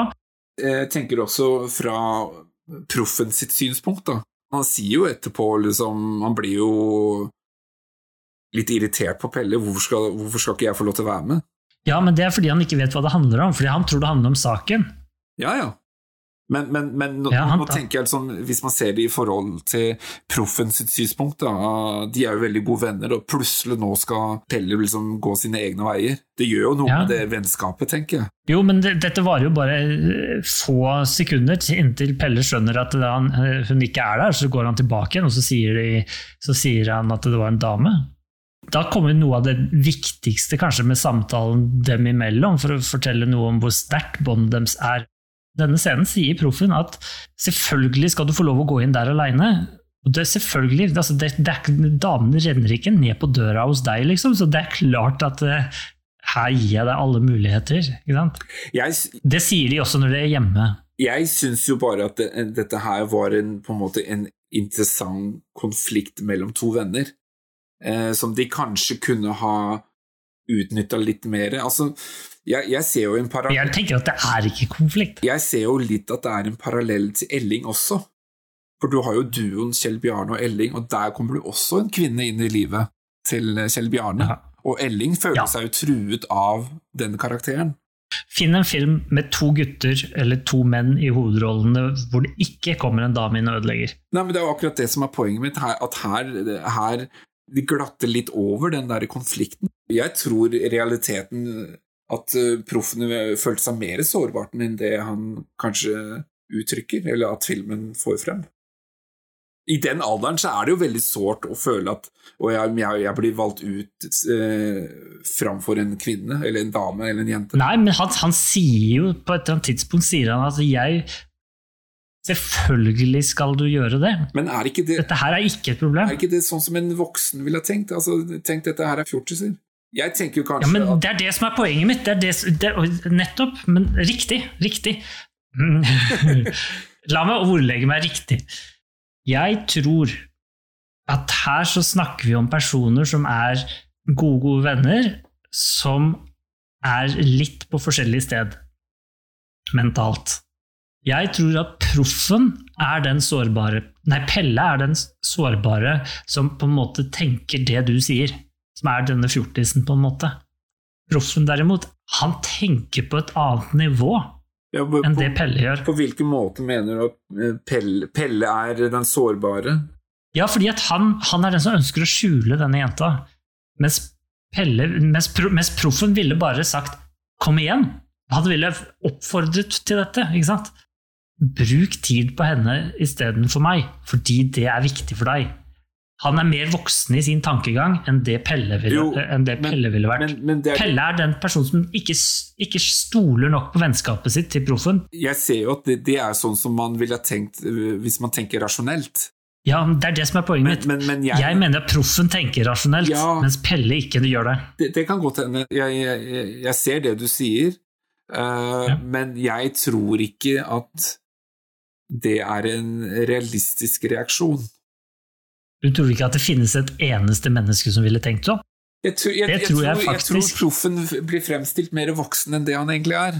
Ok, det, det skjønner jeg at det, Jeg skjønner også at du sier det, men jeg, jeg Altså, Tenk, tenk altså at hvis, Pelle og Proffen- min hvis, Tenk at Pelle og Proffen har vært uh, perlevenner hele livet sitt, og det er ingenting som har uh, splitta de to, og så plutselig Ja, en dag her- kommer det en jente imellom Pelle og Proffen. Ja, jeg, jeg, jeg skjønner det, men på dette tidspunktet i deres liv så tenker de nok på jenter. Sant? Altså de, de tenker på det som en, den hellige gral, antageligvis.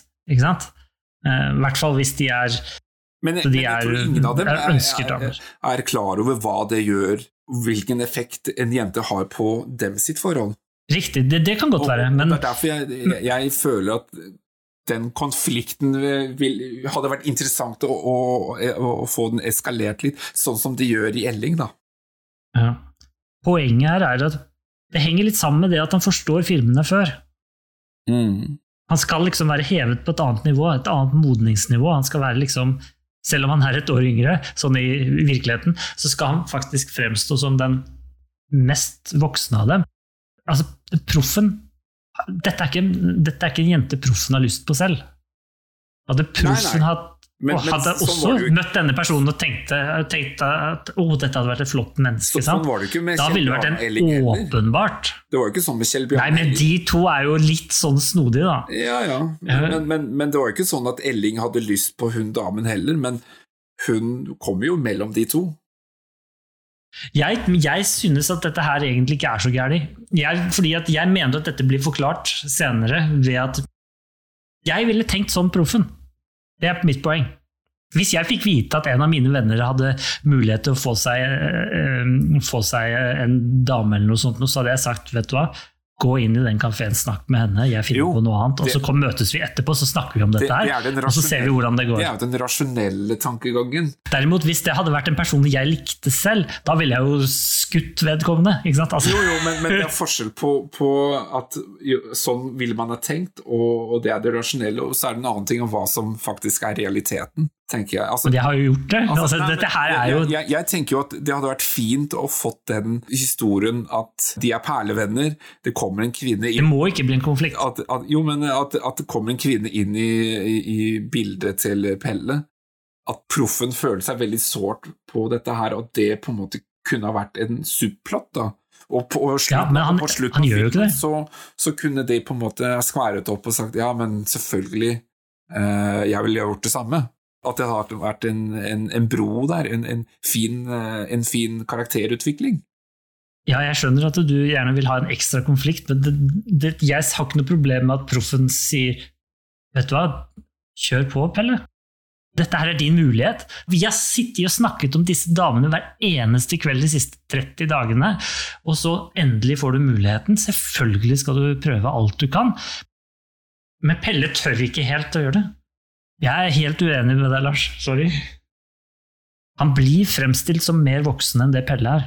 Og, og det finnes mennesker som tenker sånn som dette her, når du er 14, når du er 15. Det er ikke, det, men alle gjør det ikke, men det, er, men det, det, det her finnes. Ja, kanskje. Kanskje. Så lenge man ikke er interessert i samme jente, så er det, er det fullt mulig å reagere på denne. Jo, det, det er sånn som men jeg, jeg tror det kunne heva filmen litt da, og hatt en sånn fin konflikt. Ja, Men ja, men det er fordi at du vil ha en konflikt til. ja, selvfølgelig. Jeg vil bare ha Ja, konflikter. men, ja, men jeg synes dette forteller mer om vennskapet deres. jo, men, men, Og men, men og de to som at det- personer. Det er det som burde vært uh, sluttpoenget, at vennskapet er sterkere uansett. Ja, men det er litt kjedelig. Det er like så greit at vi får vite dette som karakterutvikling, synes jeg. At vi får vite at Pelle er, den, er usikker på eh, Men er det ikke, er det, ikke det som er mens proffen ikke er er det ikke det som er litt kjedelig, at, at opptakten til en konflikt, og så er det ikke noen konflikt, og så, så er alt liksom eh, kardemommeby? Det må jo ikke være en konflikt. Nei, er- jeg synes syns ikke det det burde være en konflikt. da? Ja, men Filmen er jo litt kjedelig, da. Men det, det er ikke poenget. Det er jo det som er poenget med at, at filmen kunne vært bedre. Jeg synes ikke den ville blitt bedre. Okay. Altså Selvfølgelig kunne vi sagt at de, ville hatt den konflikten, og så blir de gode venner på slutten, og så kysser de, liksom. Altså, men det er ikke poenget. Ja, de skal vi ikke kysse. Jo, de holdt jo på her i starten. altså, det, men det, ja, det er ikke sånn film. Nei, men de kan jo ha en karakterutvikling i hvilken som helst retning. Altså, det, det, er ikke, pro- det er ikke tingen. Nei. Jeg tenker at proffen skal være den han er. På en måte. Altså, proffen er, han er den, det modne kompasset. Dette er her vi er uenige. ikke sant? Jeg mener de faktisk forteller noe spesielt om begge to som karakterer, Viola der. Du sier at de ville vært bedre hvis de hadde fått utfylle denne konflikten på en eller annen måte, for da ville vi bli bedre kjent med de to som karakterer. Mm. Det er to forskjellige måter å se eh, karakterutvikling på. Her må vi være uenige, det er greit. Ja, Det er derfor vi holder på med dette her, ikke sant? Jeg hadde jo noe jeg skulle si om den neste scenen hvor de er i det skikkelig dopleiret. Så får Pelle, nei, proffen, nei, sorry, Pelle får jo en kniv opp i strupen og hele pakka her. Gjør han det? Oppi Skikkelig strupen? Ja, ja, skikkelig skummel den scenen her, faktisk. Av en av disse dopfolka som sitter der inne. Ja, han holder sin kniv opp mot strupen til Pelle. Og det er fryktelig fælt. Og vet du hva, når de spilte den scenen, så er det faktisk fra et skikkelig dopøl inne i Oslo. Vet du hva, jeg tenkte faktisk akkurat på det der.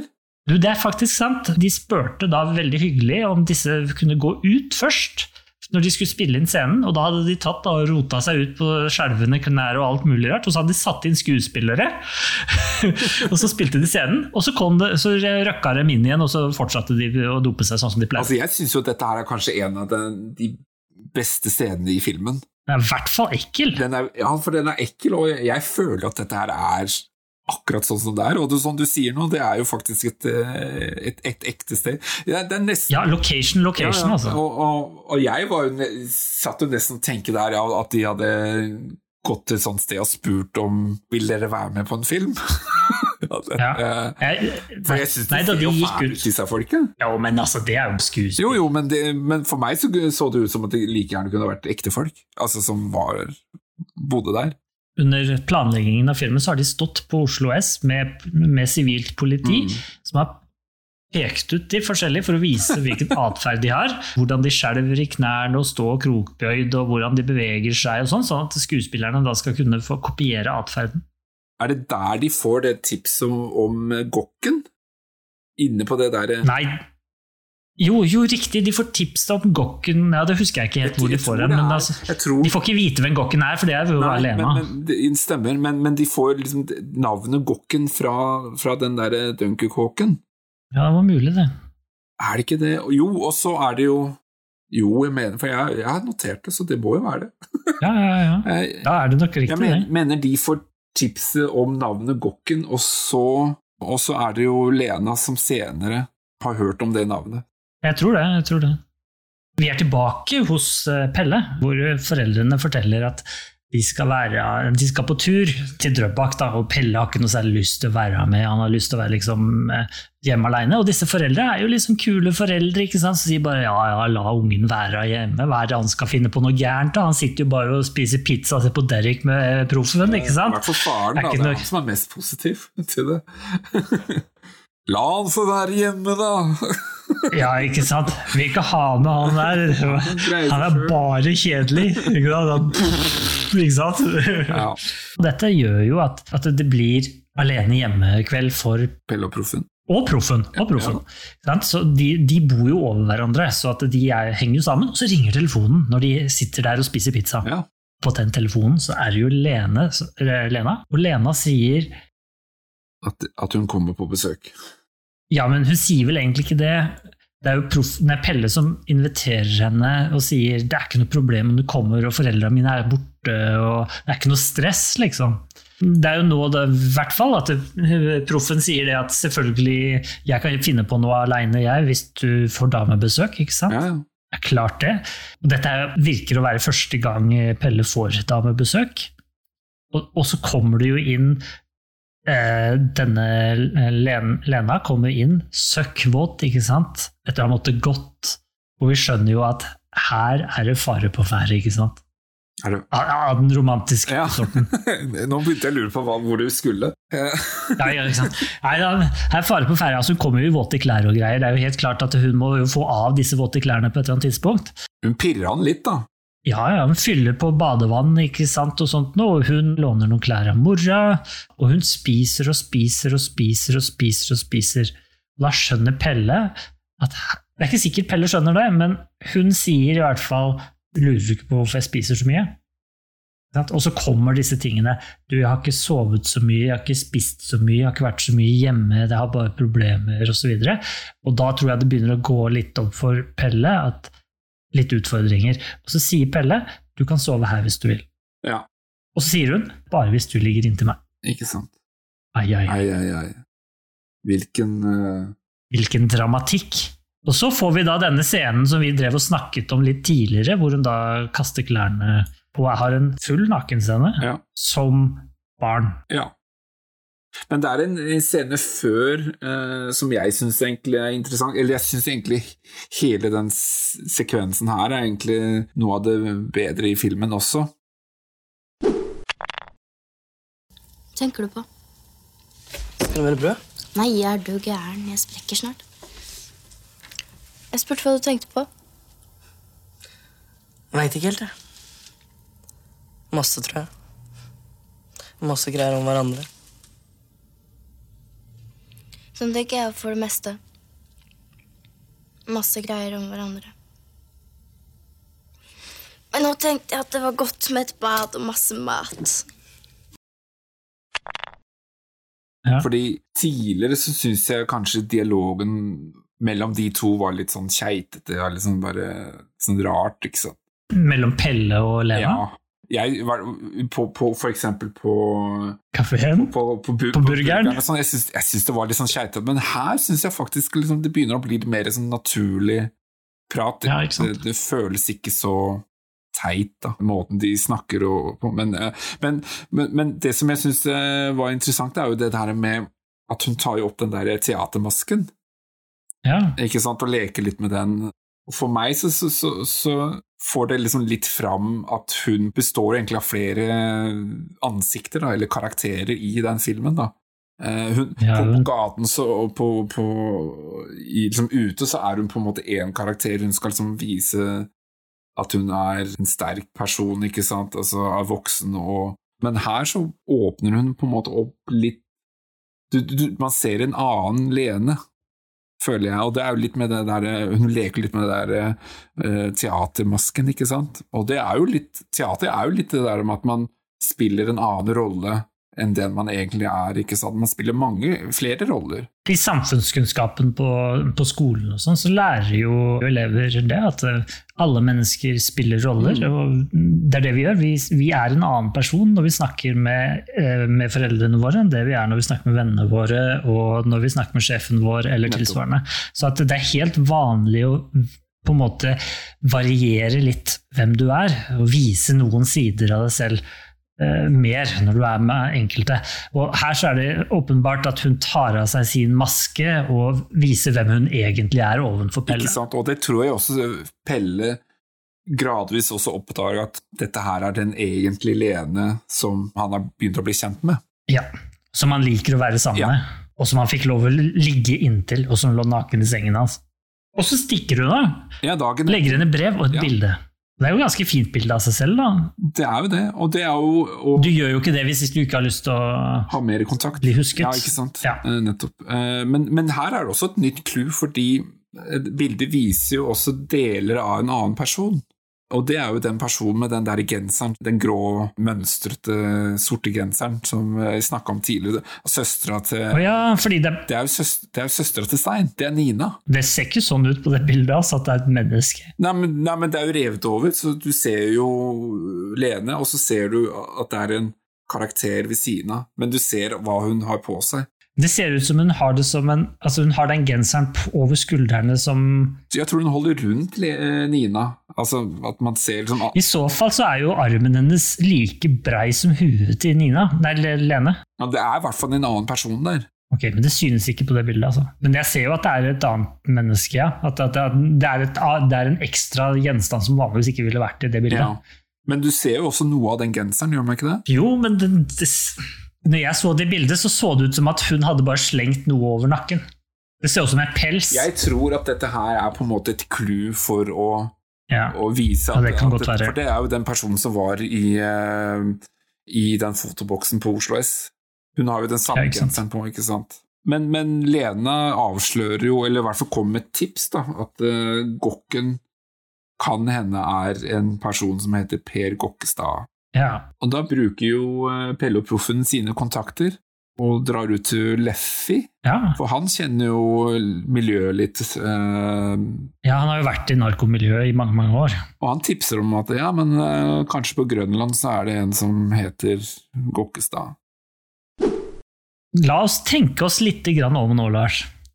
Hvis du hadde drevet med heroin i seks år, Mm. så brukt seks år på å komme deg ut av det, så er du da bestevenn til faren til en eller annen dude, og så sier du til ungen til din beste, bestevenn, samt en eller annen random unge som er vennen hans, at vet du hva, han narkoduden du skal ha tak i, det er antageligvis han fyren som jeg veit som bor oppi det forferdelige greiene der borte. Det er kanskje ikke det beste rådet man Passer. har gjort.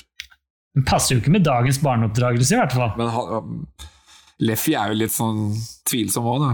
Halv, halvveis. Jo da, jo da. halvveis. Han er jo ikke tvilsom på den måten, men Han er jo god, han. Altså, han er jo helt god i hele, i hele denne filmen. Han kommer jo med kjempegode råd mot slutten her etter hvert, som vi nærmer oss mot. Mm, ja. Men det som slår meg litt, er jo at eh, tidligere så brukte de jo telefonkatalogen for å spore opp Skånseth. De kunne gjort det samme her.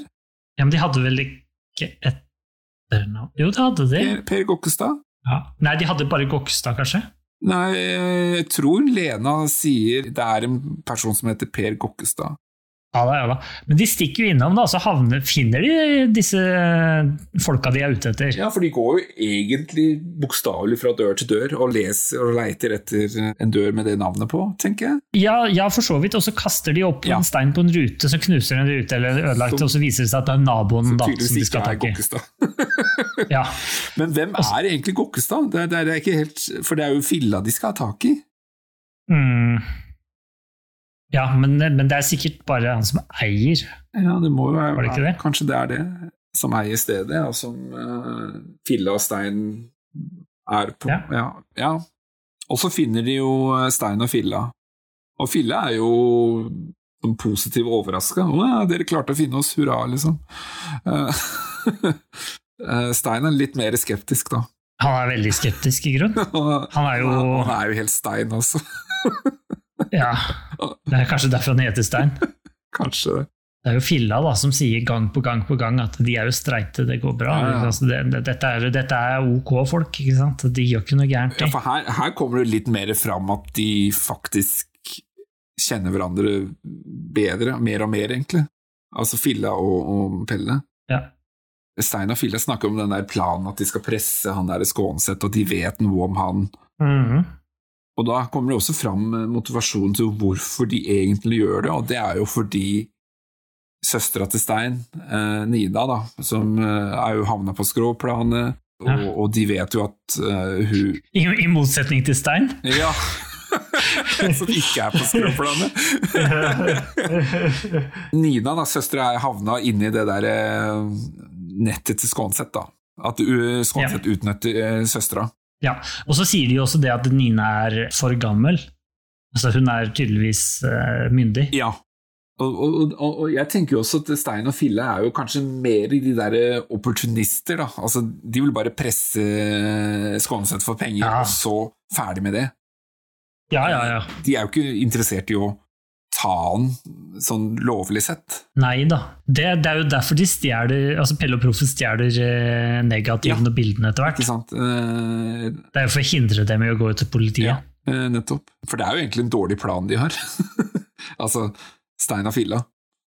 Det er, jo ikke det ikke en god plan. Nei, nei da, nei da. De, men de skal jo få tak i 100 000 kroner, da. Det, det er jo det de prøver å få til, så de ringer jo han der eh, Ja. Det, det, det hopper litt fram og tilbake, for nå er det jo at, at vi er plutselig tilbake igjen hjemme, tror jeg. Hvor Lena ringer Ja. igjen, og så er det helt uh, Ja, hun er åpenbart dopa. Hun er dopa. Og jeg satt litt og tenkte på hvor er det egentlig hun ringer fra? Er det hjemme fra mora, eller er det hjemme fra Skånset, eller er det Nei, hun ringer fra en telefonboks. Ja, det kan det jo være. Jo, men den blir jo, den blir jo avbrutt. Ja, det er det. Pengene går ut. Ah, ja, det kan hende, ja. Det kan det også være. Jeg tenkte kanskje at uh, mora oppdaga at hun ringte, eller et eller annet sånt. da. Ja, det kan det jo være òg. Altså, selvfølgelig. Men jeg, hun har ringt fra telefonboks eh, tidligere, så det var derfor jeg tenkte det. Ja. Og så er de jo på skolen. Pelle stikker av skulker for Ja. å lete etter Lena. Og så finner han Lena oppe i parkeringshus. Det er i hvert fall der det ender.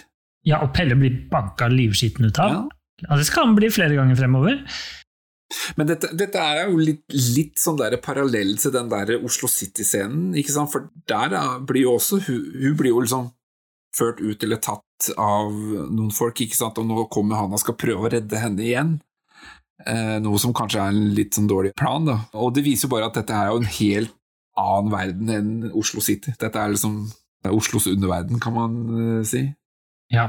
ja, og det her får jo også Pelle merke realiteten i hva han har rota seg borti. Helt riktig. Nettopp. Han har, ikke, han har jo på en måte frem til nå vært litt usikker på hva han egentlig har vært oppe i. ikke sant? Ja, ja.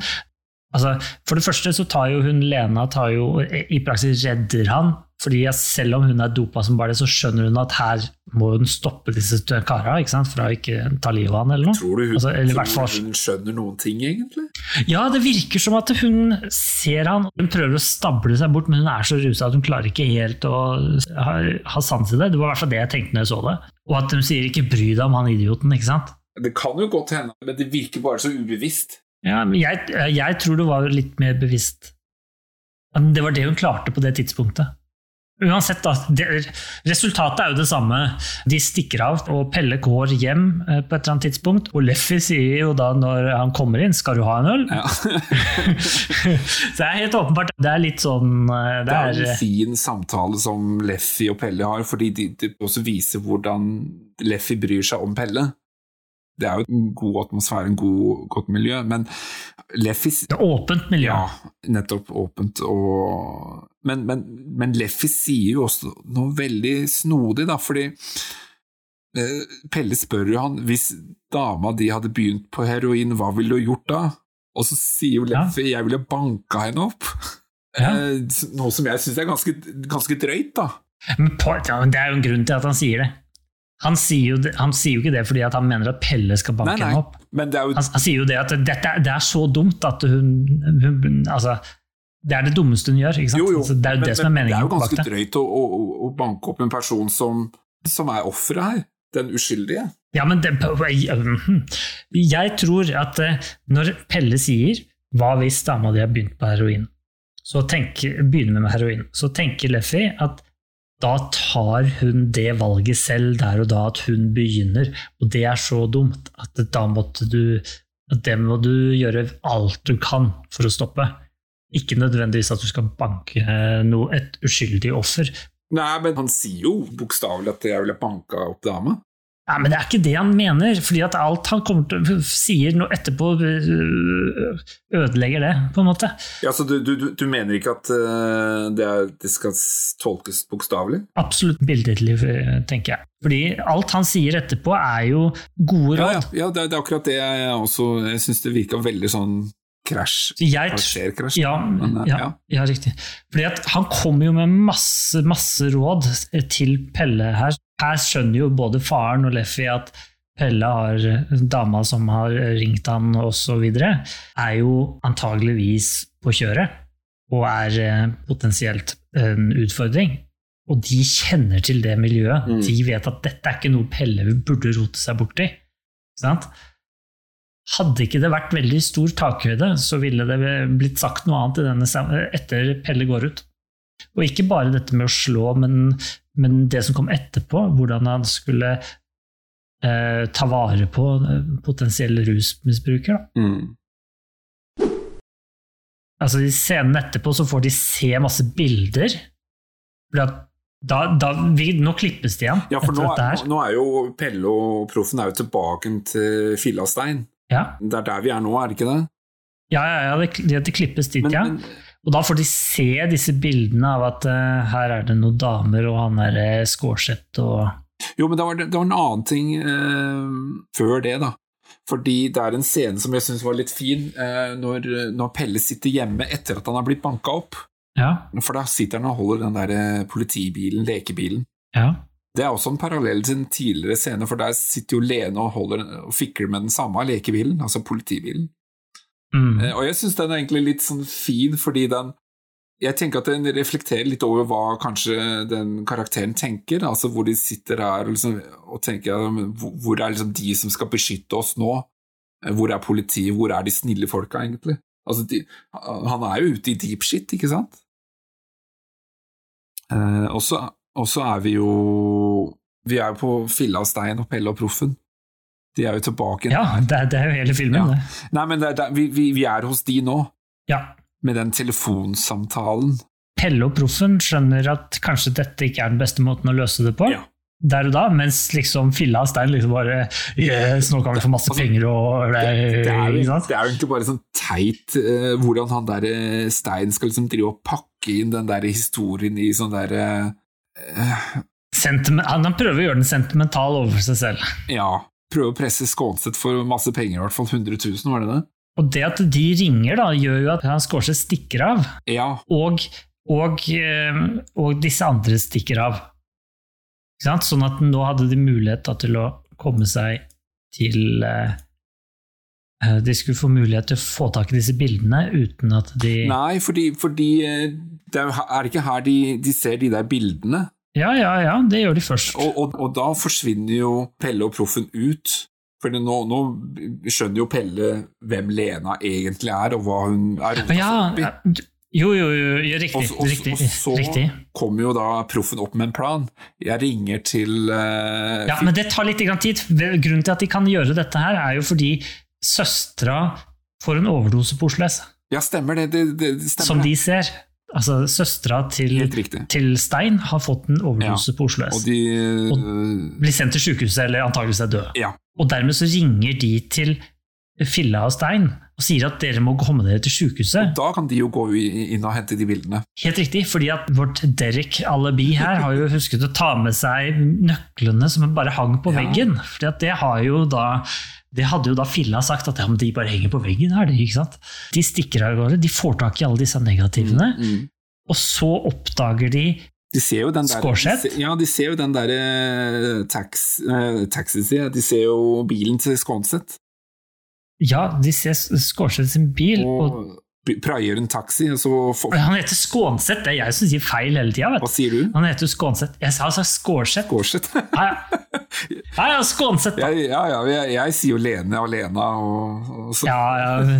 Beklager, så... Bjørn Sundquist. Eh, men men de, de, de praier en taxi, og akkurat det som skjer nå, syns jeg bare er litt sånn teit. Men eh, At det er en biljaktscene? Ja, men hele opplegget med den der taxien, fordi altså I løpet av to minutter så klarer de å bonde med en taxisjåfør som de aldri har møtt før. Og som, som, Ja. og som tydeligvis syns eh, det er helt greit å ikke betale for eh, den, den turen de er med på, da.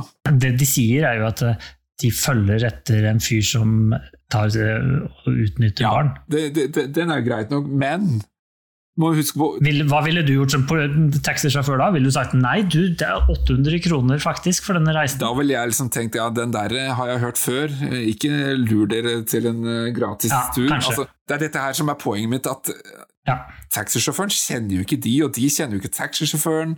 Nei, da er jeg enig i det. Men tydeligvis så, så er jo dette her en del av historien, så de kjører jo etter den her um, skånesetten, og ender jo opp på det som jeg tror er Oslo Spektrum. Ja vel? Fordi altså de kjører jo liksom rundt og inn på sånn, en sånn hall, ikke sant, som ser Mm. veldig sånn halvferdig ut. Ja, Um, ja. Og jeg sjekka opp dette her. Oslo Spektrum holder på å bli bygga akkurat rundt dette tidspunktet. Så det, det, gir jo mening at de tenker at ok, vi låner den, den lokasjonen. Og det, Ja, ser jo, det ser jo ut som Oslo Spektrum. Ja, i grunn, i grunn. Men det kan være hva som Det helst. kan, være, helt det kan være hva som helst, men jeg vet at Oslo Ja. Spektrum ble ferdig rundt i 91 eller noe sånt. Ja, det er riktig, riktig. Eh, Så igjen så bruker man jo nye bygg i, i norsk film. Eller så er jo en, en ting som er faktisk reelt i denne scenen, er jo det at når Bjørn Sundquist, eller Skånseth, tar og overfaller Pelle, så tar han jo kvelertak Var det ekte? på Pelle. Det er en fortelling knyttet til dette her, som da Håvard Bakke forteller. Han hadde sett Bjørn Sundquist, og det var liksom selveste Bjørn Sundquist. Han hadde ikke turt å hilse på han engang. Han var jo en stor skuespiller. Og så Litt grann før opptak så kommer det en svær, diger hånd som legger seg på skulderen, og det er da Sundquist. Så sier han hei, ja. Og så svarer eh, Håvard eh, hei, ikke sant? Litt sånn, litt sånn tenåring, ikke sant? Og så smiler da Sundquist til han, og så sier han det. I neste scene, er det greit at jeg tar og gjør noe på deg da? Som ikke står i manus? Bare «Øh, Ja, selvfølgelig kan du gjøre det, ikke sant? Det er greit, det, ikke sant? sagt sånn nei til Sundquist. Nei, og da svarer Sundquist da, fint, og så gikk han. Og så står Håvard, der, Håvard Bakke der og tenker hva i all verden er det som skjer nå, liksom? Neste så kommer det da et kvelertak, og det gjør da Sundquist med venstre, eh, altså med kameravinkel fra venstre side. Så samtidig så bruker han høyrehånda si bak, som da blir skjult, og klyper til i scenen over kravebeinet. Og det gjør så dritvondt at, Håvard Bakke hyler av smerte på ordentlig. Og det er det de bruker i filmen. Og da sa Bjørn Sundquist 'bra jobba'. og da var det over. Ja, nei, det, jeg tenkte ikke over det, men det, ja. Så det er faktisk reell smerte. Det er litt dårlig gjort å gjøre det der på en 15-åring som ikke, ikke turte å si noe annet. Man, man tør jo ikke å si nei til Bjørn Sundquist. Nei, Han hadde ikke sagt hva han skulle gjøre engang. Han bare skulle gjøre noe. ikke sant? Ja, selvfølgelig. Men de driver jo og surrer litt rundt inn på gulvet der, og så kommer han derre thaimannen, da. Ja, Med et sånt, eh, ja, eh, med et sånt flyvespark, eller hva man kaller det, eh, og treffer Skånse. Tien Tontat heter han. Ja. Eh, Og så sier han, sjåføren, disse kunder er mine kunder, men de har jo ikke betalt, jo. Det er jo det. Ja, men de er hans kunder likevel. Ja, jo, men, det Ja. men visste du at han eh, Hva kalte du han? Eh, Tien Tatt. Han er visstnok den personen som innførte eller starta opp thaiboksing eller et eller annet i Norge. Et eller annet sånt. Se det, det- du du har lov å sparke der, så Hun som spiller Lene, Lena, hun er jo magedanser. Hun har vært i hvert fall. Hun er rang. Jeg har vært, ja. ja. Hun begynner å bli litt eldre nå, men hun er jo ikke mer enn 50 snaut. 49. Men når denne scenen er over, så er det jo Jeg vet ikke om jeg skal si det er bra eller ikke, men altså, det, er, det er noe fint med det som skjer nå. Og det er jo det at de tar med seg Pelle tar med seg Lena Ja, hjem. jeg, jeg, jeg har noen flere ting skjønner du, på, på, den, eh, Ja. på den scenen. Har du mer problemer med den scenen? Ja. Kjør på. I boken kontra filmen, da, så er denne Den biljakten den er jo ikke så, så stor som, som, som den vises i filmen. Taxisjåføren han kommer jo ut og hjelper til å få berga Lene, og så stikker de av. Altså, han hjelper dem å, å stikke av, altså Pelle Proffen og Lene. Ja, ja, ja, ja. Så Skånse blir jo aldri tatt i boken. Eller filmen, for den saks skyld. Han blir jo dømt, men han får jo bare fire måneder. Det, det, det Å ja, det er sant, det! det, er sant, det. eh, sier jo Pelle. Ja, det er sant, det. Ja. I, i- men i, i, boken så blir han visst aldri tatt. Men, men når, når det er sagt, altså jeg mener jo at istedenfor han thaimannen, så kunne de jo faktisk ha brukt Leffy som den Ja. karakteren som dukker opp og hva skal man si, redder for, for det er jo en karakter som allerede er etablert i, i filmen, eh, som kjenner mm. Pelle og som har en tilknytning til han. Jeg syns det hadde vært en mye bedre løsning, da. Jeg er helt enig, jeg syns hadde vært For veldig den, bra. for den faktisk. taxisjåføren, at han plutselig dukker opp, det gir ikke mening for meg, altså. Nei, jeg er enig i det. Jeg er helt enig i det. Nei, har du mer problemer med det? Nei, jeg har ikke det. Det var alt. Ja, da kan, da kan vi gå videre til det jeg faktisk synes er veldig fint. Og det er når Pelle tar med seg Lena hjem. Og Lena er jo da uh, rusa på dette tidspunktet og høy på heroin. Høy på pæra? Nei, Nei, hun er, ikke Nei bare, det er hun er absolutt ikke Nei, høy på pæra på dette tidspunktet. Hun er, hun er veldig sånn eh, emosjonell på et vis, og ikke system i tankene og litt sånt noe, ikke sant. Men hun er nok på vei ned, virker det litt som. Ja. hvor da Pelle snakker med moren og sier 'prat med Lene'. Og så gjennomgår da Lene forteller alt sammen til moren. Riktignok skal hun være veldig rusa på dette tidspunktet, men hun kan jo helt sikkert si disse tingene. Så så rusa er hun ikke. Hun forteller åpenbart moren absolutt alt. Sånn at det blir på en måte klart at hun, skal, hun må inn i et system. Og så sier moren at eh, Lene sover i sengen eh, til Pelle. Så sier Pelle da kan jeg sove på sofaen. Så sier moren bare gå og gjør sånn som du gjorde sist. Hun stoler på deg, legg deg ved siden av henne. Å ja, da har Lena fortalt om det òg, da. Ja, ja, hun har fortalt alt.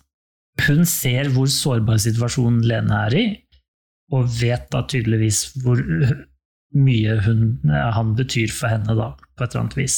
Men det slo meg også liksom at i det at Lena forteller hvordan Pelle har behandla henne, det viser jo også at moren skjønner jo hvor god Pelle er. Da. Altså, han er jo fa- Ja da, ja da. faktisk et skikkelig menneske. Men det vet de. Ikke, jo, men som ikke utnytter folk. Altså, Ja, ja, jeg vil være sikker på at det er, det er kanskje ting som de ikke vet om Pelle, men nå hører de faktisk fra Lene. Det, det er Det er en fin scene. Jeg liker den. Ja, men den scenen er ikke over. Det er fremdeles noe Det aller fineste er igjen. Mhm. Fordi da ligger moren i armene på faren, så sier, sier faren Du vet hva du sier nå, sant? Hun kommer til å få abstinenser, gå ut på gata, vi kommer til å få henne- inn med høy på heroin hele tiden, osv., osv., osv. Og så sier hun at ja, i morgen skal vi ta kontakt med de forskjellige instansene, og det er viktig og riktig og sånn. Men hva skulle vi gjort da? sier hun. Hva, hva annet skal vi gjøre? Og så svarer faren noe som er fantastisk bra. sier han selvfølgelig skal hun bo her. Mm. Altså, det bestemte de der og da.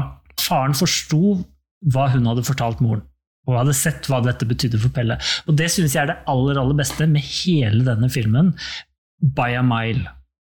Og nå er jo filmen slutt. Ikke helt.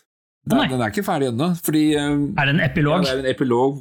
Det er jo dagen etter, for da er det jo uh, Leffy som kommer eh, kjørende med lastebilen og plukker opp uh, Ja, det er sant, det. Og så skal de gjøre da plukke opp eh, eh, Lena, for de skal jo da kjøre henne til et eller annet sted.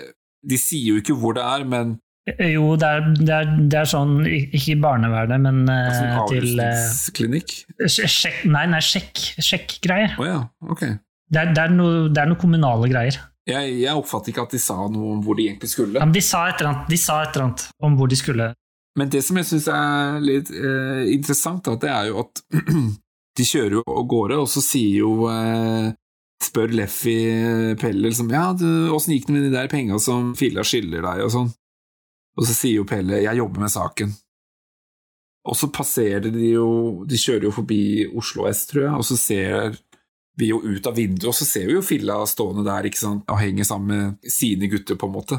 Ja. Men jeg tolker jo litt også at Pelle er litt forbi det der med disse pengene. De pengene spiller, spiller ikke så stor rolle lenger. Altså, pengene er ikke viktige. Han har Han har fått det han har funnet noe som er enda viktigere, eller han har funnet en større mening, da. Ja, han har fått mening i livet, Ja, altså, Lene, for eksempel. Da, altså, han er liksom glad i henne og har lyst til å hjelpe henne. Det er henne som betyr noe her. Det er jo bare penger uansett, det er ikke noe viktig. Han har liksom kommet litt forbi det der eh, opplegget, da. Hele filmen på en måte dreier seg om det. Ja, det er, det, er, det er riktig. Filmen handler jo om at eh, han skal få tilbake pengene som ble stjålet fra han. Og så ender den jo opp med at han ikke får igjen de pengene på noe tidspunkt, men han får, det, han, han får kjærligheten isteden. Prinsessen og halve kongeriket, holdt jeg på å si. Han hadde jo kongeriket i grunn. Ja, han hadde jo egentlig det. Han hadde jo alt han trengte. Han har skaffet seg bare et stort problem, som er løsningen. Og så avsluttes det jo med at lastebilen kjører ned i solnedgangen der, Ja. eller soloppgangen. Veldig klassisk. Det er soloppgangen. Ja, veldig, veldig klassisk det der. og Ligner veldig på Eggs, forresten. Ja, eller diverse andre filmer sånn, som man rir ut Ja. i solnedgangen. Ja, En western. Western. uh, Indiana Jones, for eksempel. Det er en fin, åpen slutt, da. Ja, hva skjer med de? Veien ligger åpen, nå er problemene lagt bak seg, nå, nå har de mulighetene foran seg. Det er en fin Nå, nå gjenstår det bare det vanskeligste. Ja, så hvis man tenker på den måten, ja. Ja, jeg syns også slutten er bedre enn resten av filmen. Nei, men eh, da er jo filmen ferdig. Ja. Rulletekst. Jeg så noe i rulleteksten som, eh, som var litt snodig. Ja vel. For det er jo alle disse navnene, og det er jo for så vidt greit nok, men så, så, så ser Det pleier jo å være det ja, rulletekst. og, og så ser jeg at uh, under der hvor, den kolonnen hvor det pleier å stå tittel, så står det to tempeler. Også et navn, da. Ja. Navnet er jo ikke så viktig, men, men har du vært borti det før? Er det, hva er totempeler? Totem, det er jo en sånn høvdingrang... Totem, ja, altså det er jo en, ja, altså det er en påle. Ja, ja, med utskjæringer med forskjellige ansikter Ja, men, men etter rangering. Så står det totempeler og så et navn, som om det er eh, kameramann og så et navn. Å ja, og du tenker at det kanskje er en, det det er en det, er en boom, bu, boom-rigg, på en måte? Kanskje det er det det er?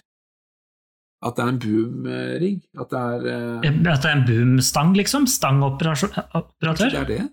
Ja, for jeg lurte fælt på hva, hva det var. Tja, si det, du. du har du sjekka det? Nei, jeg gjorde ikke det, for jeg, kom ikke så langt. Nei, ikke sant. Tingen jeg tenker er at det må være noe boomring. Altså, men her har jeg muligheter til å ta helt feil.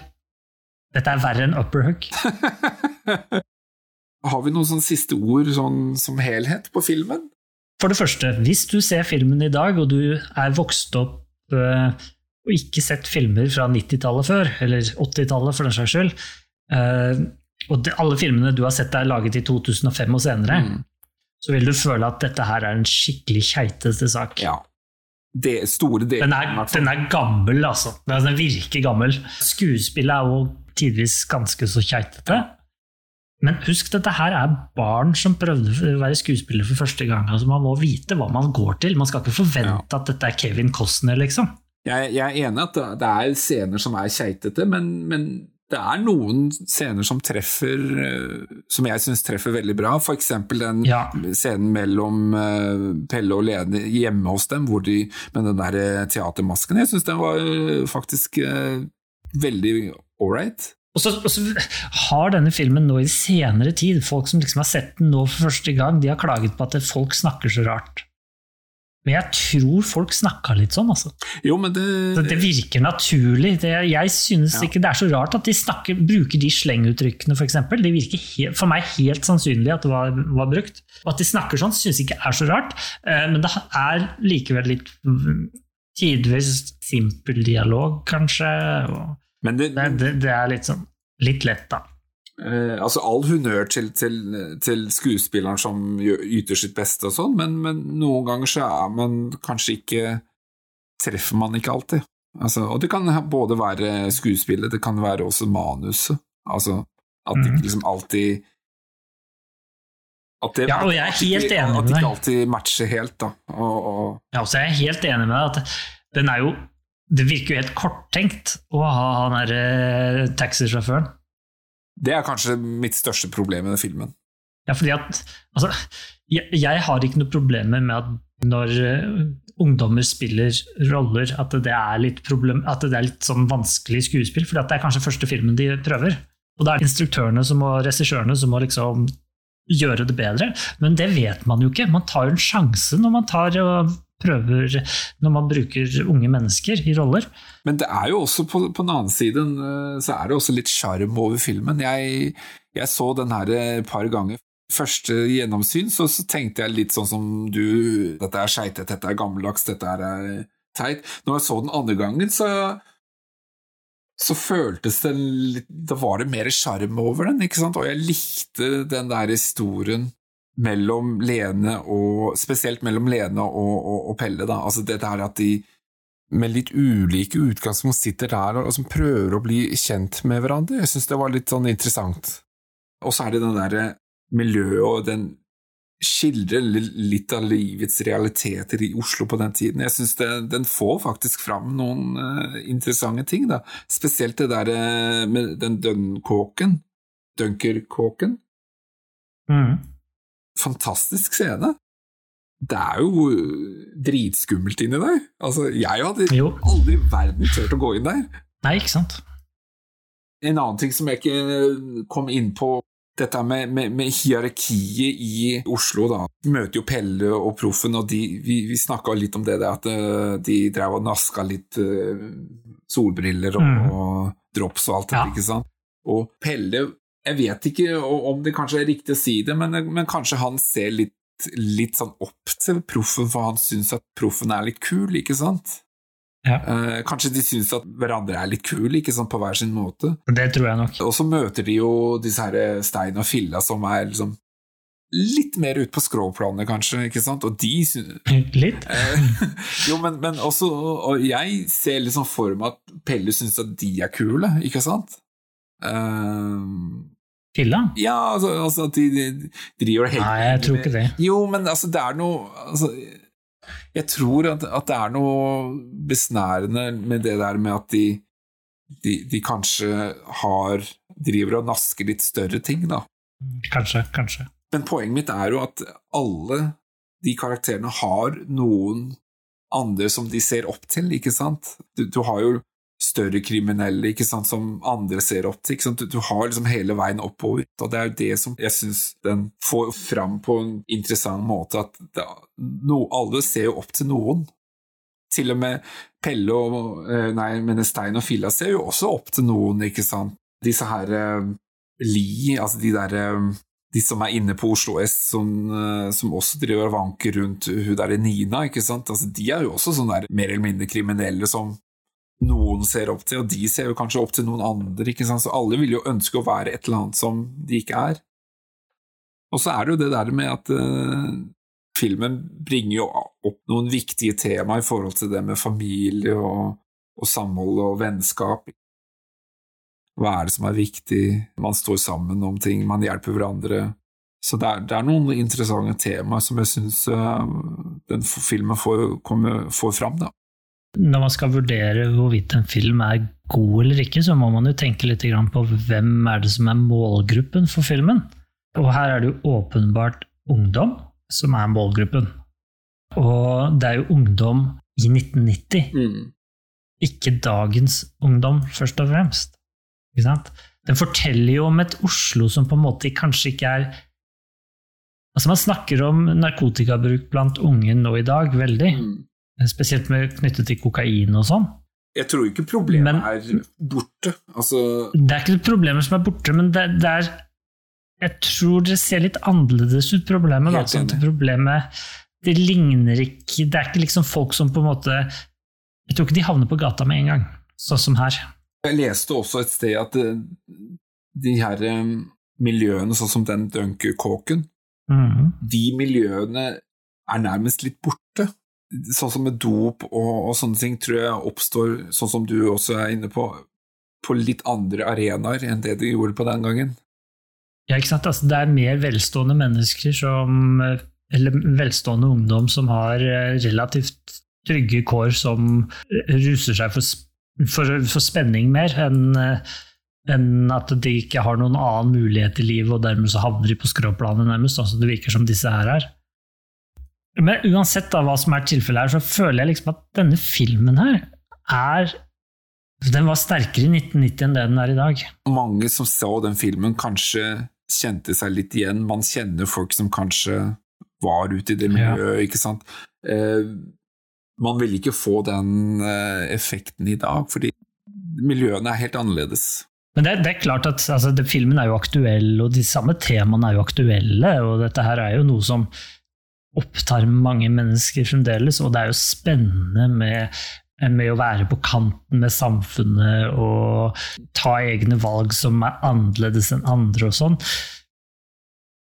Det er nesten litt sånn at eh, ja, Det er mulig jeg, nå, nå skal ikke jeg si at det nødvendigvis er riktig, men, men eh, kanskje det er sånn at dop kanskje er mer akseptert, hvis du skjønner hva jeg mener? Altså, hvis man, Ja, det det hvis man hører at noen tar dop, ja men, ja, men det er jo normalt, liksom, tenker man kanskje. Den, Ja den gangen så var det litt sånn der Man visste at det var Den gangen så var det jo korrelasjon mellom at hvis du prøver et narkotisk stoff, så bodde du på gata ja, resten av Altså, livet. Liksom. det, det, var, det var liksom mer den typen. I dag så er det jo ikke sånn. Nei, ikke med en gang. Altså, fordi at, altså, det er jo klart, Hvis du som ungdom i dag ruser deg, så er det mange som veit det. altså. Ja. Ja, ikke sant? Det, det, det, det, er- det virker som det er mer åpent. Det er mange instanser. Mange, mange, mange instanser. Er det noe spesielt norsk med denne filmen? Aller først, vil du anbefale folk å se denne filmen? Ja, det vil jeg absolutt. Vil du da si til de dette er en god film? Jeg vil jo si at uh, dette her eh, forteller noe om hvordan livet i Oslo var på 90-tallet. Og jeg syns det kan man lære noe av. Det er liksom inngangsvinkelen. Du ville sagt til ungdom se denne filmen fordi du kan lære av hvordan det var på 90-tallet? Ja, jeg, jeg tror kanskje det er det sterkeste kortet. Ja, for du kan ikke si gå og se denne filmen, da blir du god skuespiller. Altså, Jeg, jeg, selv Bjørn Sundquist har gjort bedre roller enn dette her. ja, jeg syns jo absolutt at eh, historien til Lena Pelle er interessant. Det morsomme, litt sånn tragiske for så vidt, er jo at det som skal være det filmen handler om, er ikke det filmen handler om. Mm. At, og det er jo sikkert Ja, men da har vi kryssende konfliktlinjer, og det er bra. Selvfølgelig er det bra, men kan vi ikke få svaret? Vi vil ha svar òg. Vi har ikke fått noe svar. Vi er ikke i nærheten av å få vite hvordan det gikk i forholdet mellom Altså, du, du snakket om at det kanskje han var litt over denne, dette tidligere bekjentskapet sitt, men vi vet jo ikke egentlig det. Fokuset dreide for mye. Det er, det, det er også det jeg liksom tenkte litt på med filmen. Det er en ganske streit historie. Du har ikke noe tvist på slutten. Det er ikke sånn at du Å, aha, det var sånn det hang sammen. Vi får jo faktisk vite alt sånn med en gang. Ja, og det er ingen tvister i hele den filmen. Det nærmeste som er, skal være en tvist, det er jo dette her med at eh, Pelle oppdager eh, at eh, Lena er er, selger seg selv. Men det visste vi jo. Ja, ikke sant? Altså, det, det, det er liksom ingenting. Det er kanskje en liten sånn overraskelse og twist i forhold til åpningsscenen med, med Stein og Filla. Vi tror jo at det er de som er problemet her, men egentlig Ja, så er det jo. Skånseth som er problemet. Det er jo kanskje Men Ja, det ja. får vi jo vite ganske tidlig i filmen også. Altså, jeg har jo masse underviser jo masse ungdommer på videregående. De er jo målgruppen til dette her. Mm. I hvert fall første av de. Og jeg nevner ikke denne her for dem. Altså. Som, en, som en, en film som var verdt å se. Ja, Ikke veldig tidlig, i hvert fall. Altså, det, er det, er det er mange andre jeg nevner før Ja. om samme temaer. Men jeg syns jo ikke den er så dårlig som man skal ha det til. Nei, men ja. Eh, Husk, altså, husk det, dette er, Det er, mer, du det er mer kanskje det at det er, det, det det en sjarm over å se den. ja, Jeg er litt redd for at vi ser den fordi det er en klassiker, ikke fordi den Nettopp. Ja. Det er nostalgien man egentlig ser den. De vil ikke nødvendigvis kjenne igjen Mm. noe særlig underveis.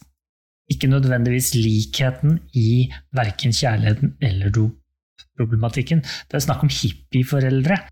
Hva i all verden? De vet jo ikke hva hippie er engang. ja, ikke sant? Jeg skulle ønske at liksom det der forholdet mellom Pelle og Filla kanskje var At det kom fram litt mer hva, hvordan de kjente hverandre.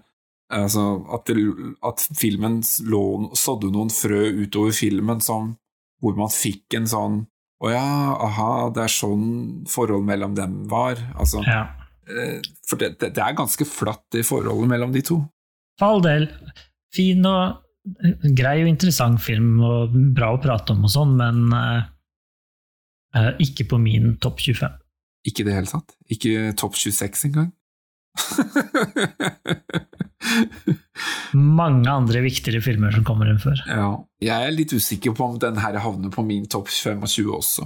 Altså, Hvilken film skal du bytte ut da, liksom? Jeg kan jo bytte ut Dis, da. Ja, det er sant, det. Det burde du jo for så vidt sånn sett, men den, den har jo noen positive filmatiske grep innimellom. Måten de viser frem Lena, for eksempel. Filmen er jo unik på den måten at den viser jo Oslo på en, på, på en Viser jo Oslo sånn som det var, så langt som man greier, da. Vi har jo hatt filmer om problemer i- blant ungdom tidligere, men jeg vet ikke Den, den sosialrealismefilmene som var på 70- og 80-tallet, var kanskje ikke om ungdom, først og fremst. Så det var vel kanskje på tide med en ungdomsfilm som tok opp eh, sosialrealistiske problemer. Jeg tror den, det er en film som på den tiden Det føles litt som at det er en film for ungdom som altså Det blir feil å si som er laget av ungdommen for ungdommen, men, men den snakker jo på en måte litt ungdommens språk, da. Denne her traff virkelig målgruppen. Ja da, ja da, det gjorde den. Så den lyktes jo der og da. Og kanskje blitt litt gammel, bare. Men den er jo et produkt av sin tid, og det er det som på en måte taler litt mot den, da. Altså, hvis man ser den i dag, at den, den, den fenger kanskje ikke blant ungdommen i dag.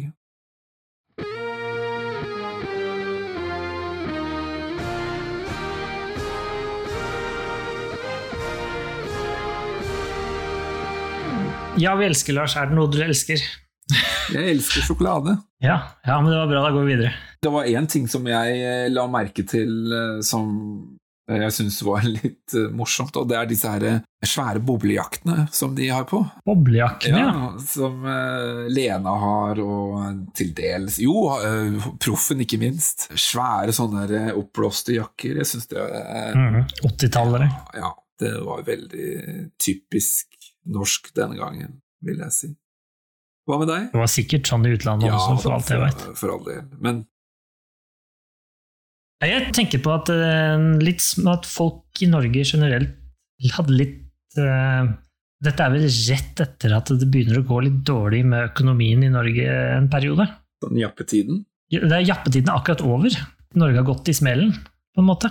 Etter jappetiden, og vi får se baksiden av den, på en måte. Det er kanskje litt typisk norsk. Ellers så syns jeg ikke det var noe spesielt typisk norsk med denne filmen, annet enn den handler om norsk ungdom, liksom. Måten de snakker på. Ja, de snakker jo litt Oslo, da.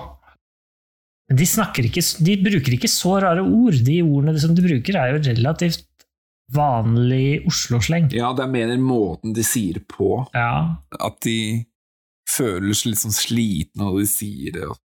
ja, men det er, det er jo som å høre 'Slipp Jimmy fri'. Det er jo det miljøet. Ikke sant? Det er det samme type, det er jo liksom narkotingen som er eh, grunnen til det. De to filmene eksisterer i samme univers, de. På mange måter. Det er like før vi ser en sånn elefant traske over Oslo S. Nei uh... Skal vi avslutte snart? Nå vil jeg gjerne høre hvilken kortfilm du har valgt. Ja, hvis Den der som stinka så fælt. Ja, vi skal tilbake til året 2006, da Norge faktisk vant Altså, Norge vant i Cannes for beste kortfilm. Vi fikk Gullpalmen, og det var da med regissør Bobby Pears, eller Pers, som da vant for filmen Sniffer. Ah, det har jeg faktisk sett. Ja, det, eh, og det har jeg jo, og det er en snodig liten skrue av en film. Det er det. Så den er jo den, r- ikke rak i motsetningen til hva vi har snakket om i dag, men den er annerledes, la oss si det sånn. Ja, Jeg gleder meg masse allerede. jeg gleder meg. Det, Ja, jeg håper denne episoden blir litt kortere. Ja. Det tror jeg den blir. Jeg må jo snart velge en kortfilm, jeg også. Jeg har en kortfilm som jeg har hatt lyst til å snakke om, men det får vi ta en annen dag. Er du enig eller uenig om eh, hva vi mener om eh, Døden på Oslo S? Stikk inn på Facebook eller Instagram. Eh, Legg igjen en kommentar til oss, og si akkurat hva du mener. Du kan finne oss på Spotify, Apple, Google tilsvarende, eller på hjemmesiden vår Norsk Film er, og der kan du høre på alle episodene som vi har spilt inn tidligere, og du kan komme med kommentarer. Vi har også, som nevnt, en Instagram-konto. Der legger vi ut litt sånn bakomstoff og fredagsfilmer og ja, litt tips om hvilke filmer vi skal snakke om framover. Får du litt Mhm. hint? Nå er det jo høst eh, snart, eh, Lars, så hva er vel bedre enn å liksom varme seg en god kopp te og høre på litt podkast utover eh, når det blir litt kjøligere? Ja, jeg synes det er en veldig god idé. Da er det bare å si ha det bra. Ha det bra!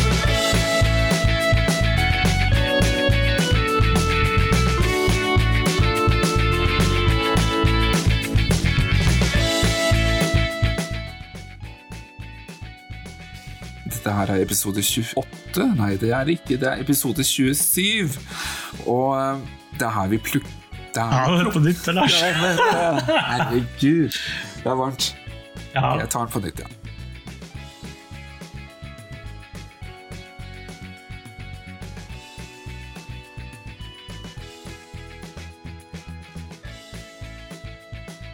Eh, er det Ereva Isaksen? Uh, nå ble jeg faktisk litt. Er det ikke Eva Nei, Eva Isaksen. E Eriksen? Isaksen? Isaksen, ja. Det er Isaksen, ok, ja. Uh, eh, Det er bra du husket det. det er jeg som har valgt filmen, så husker jeg Ja. Eh, Men det er jo noe Men du- kjent men- navn Ja.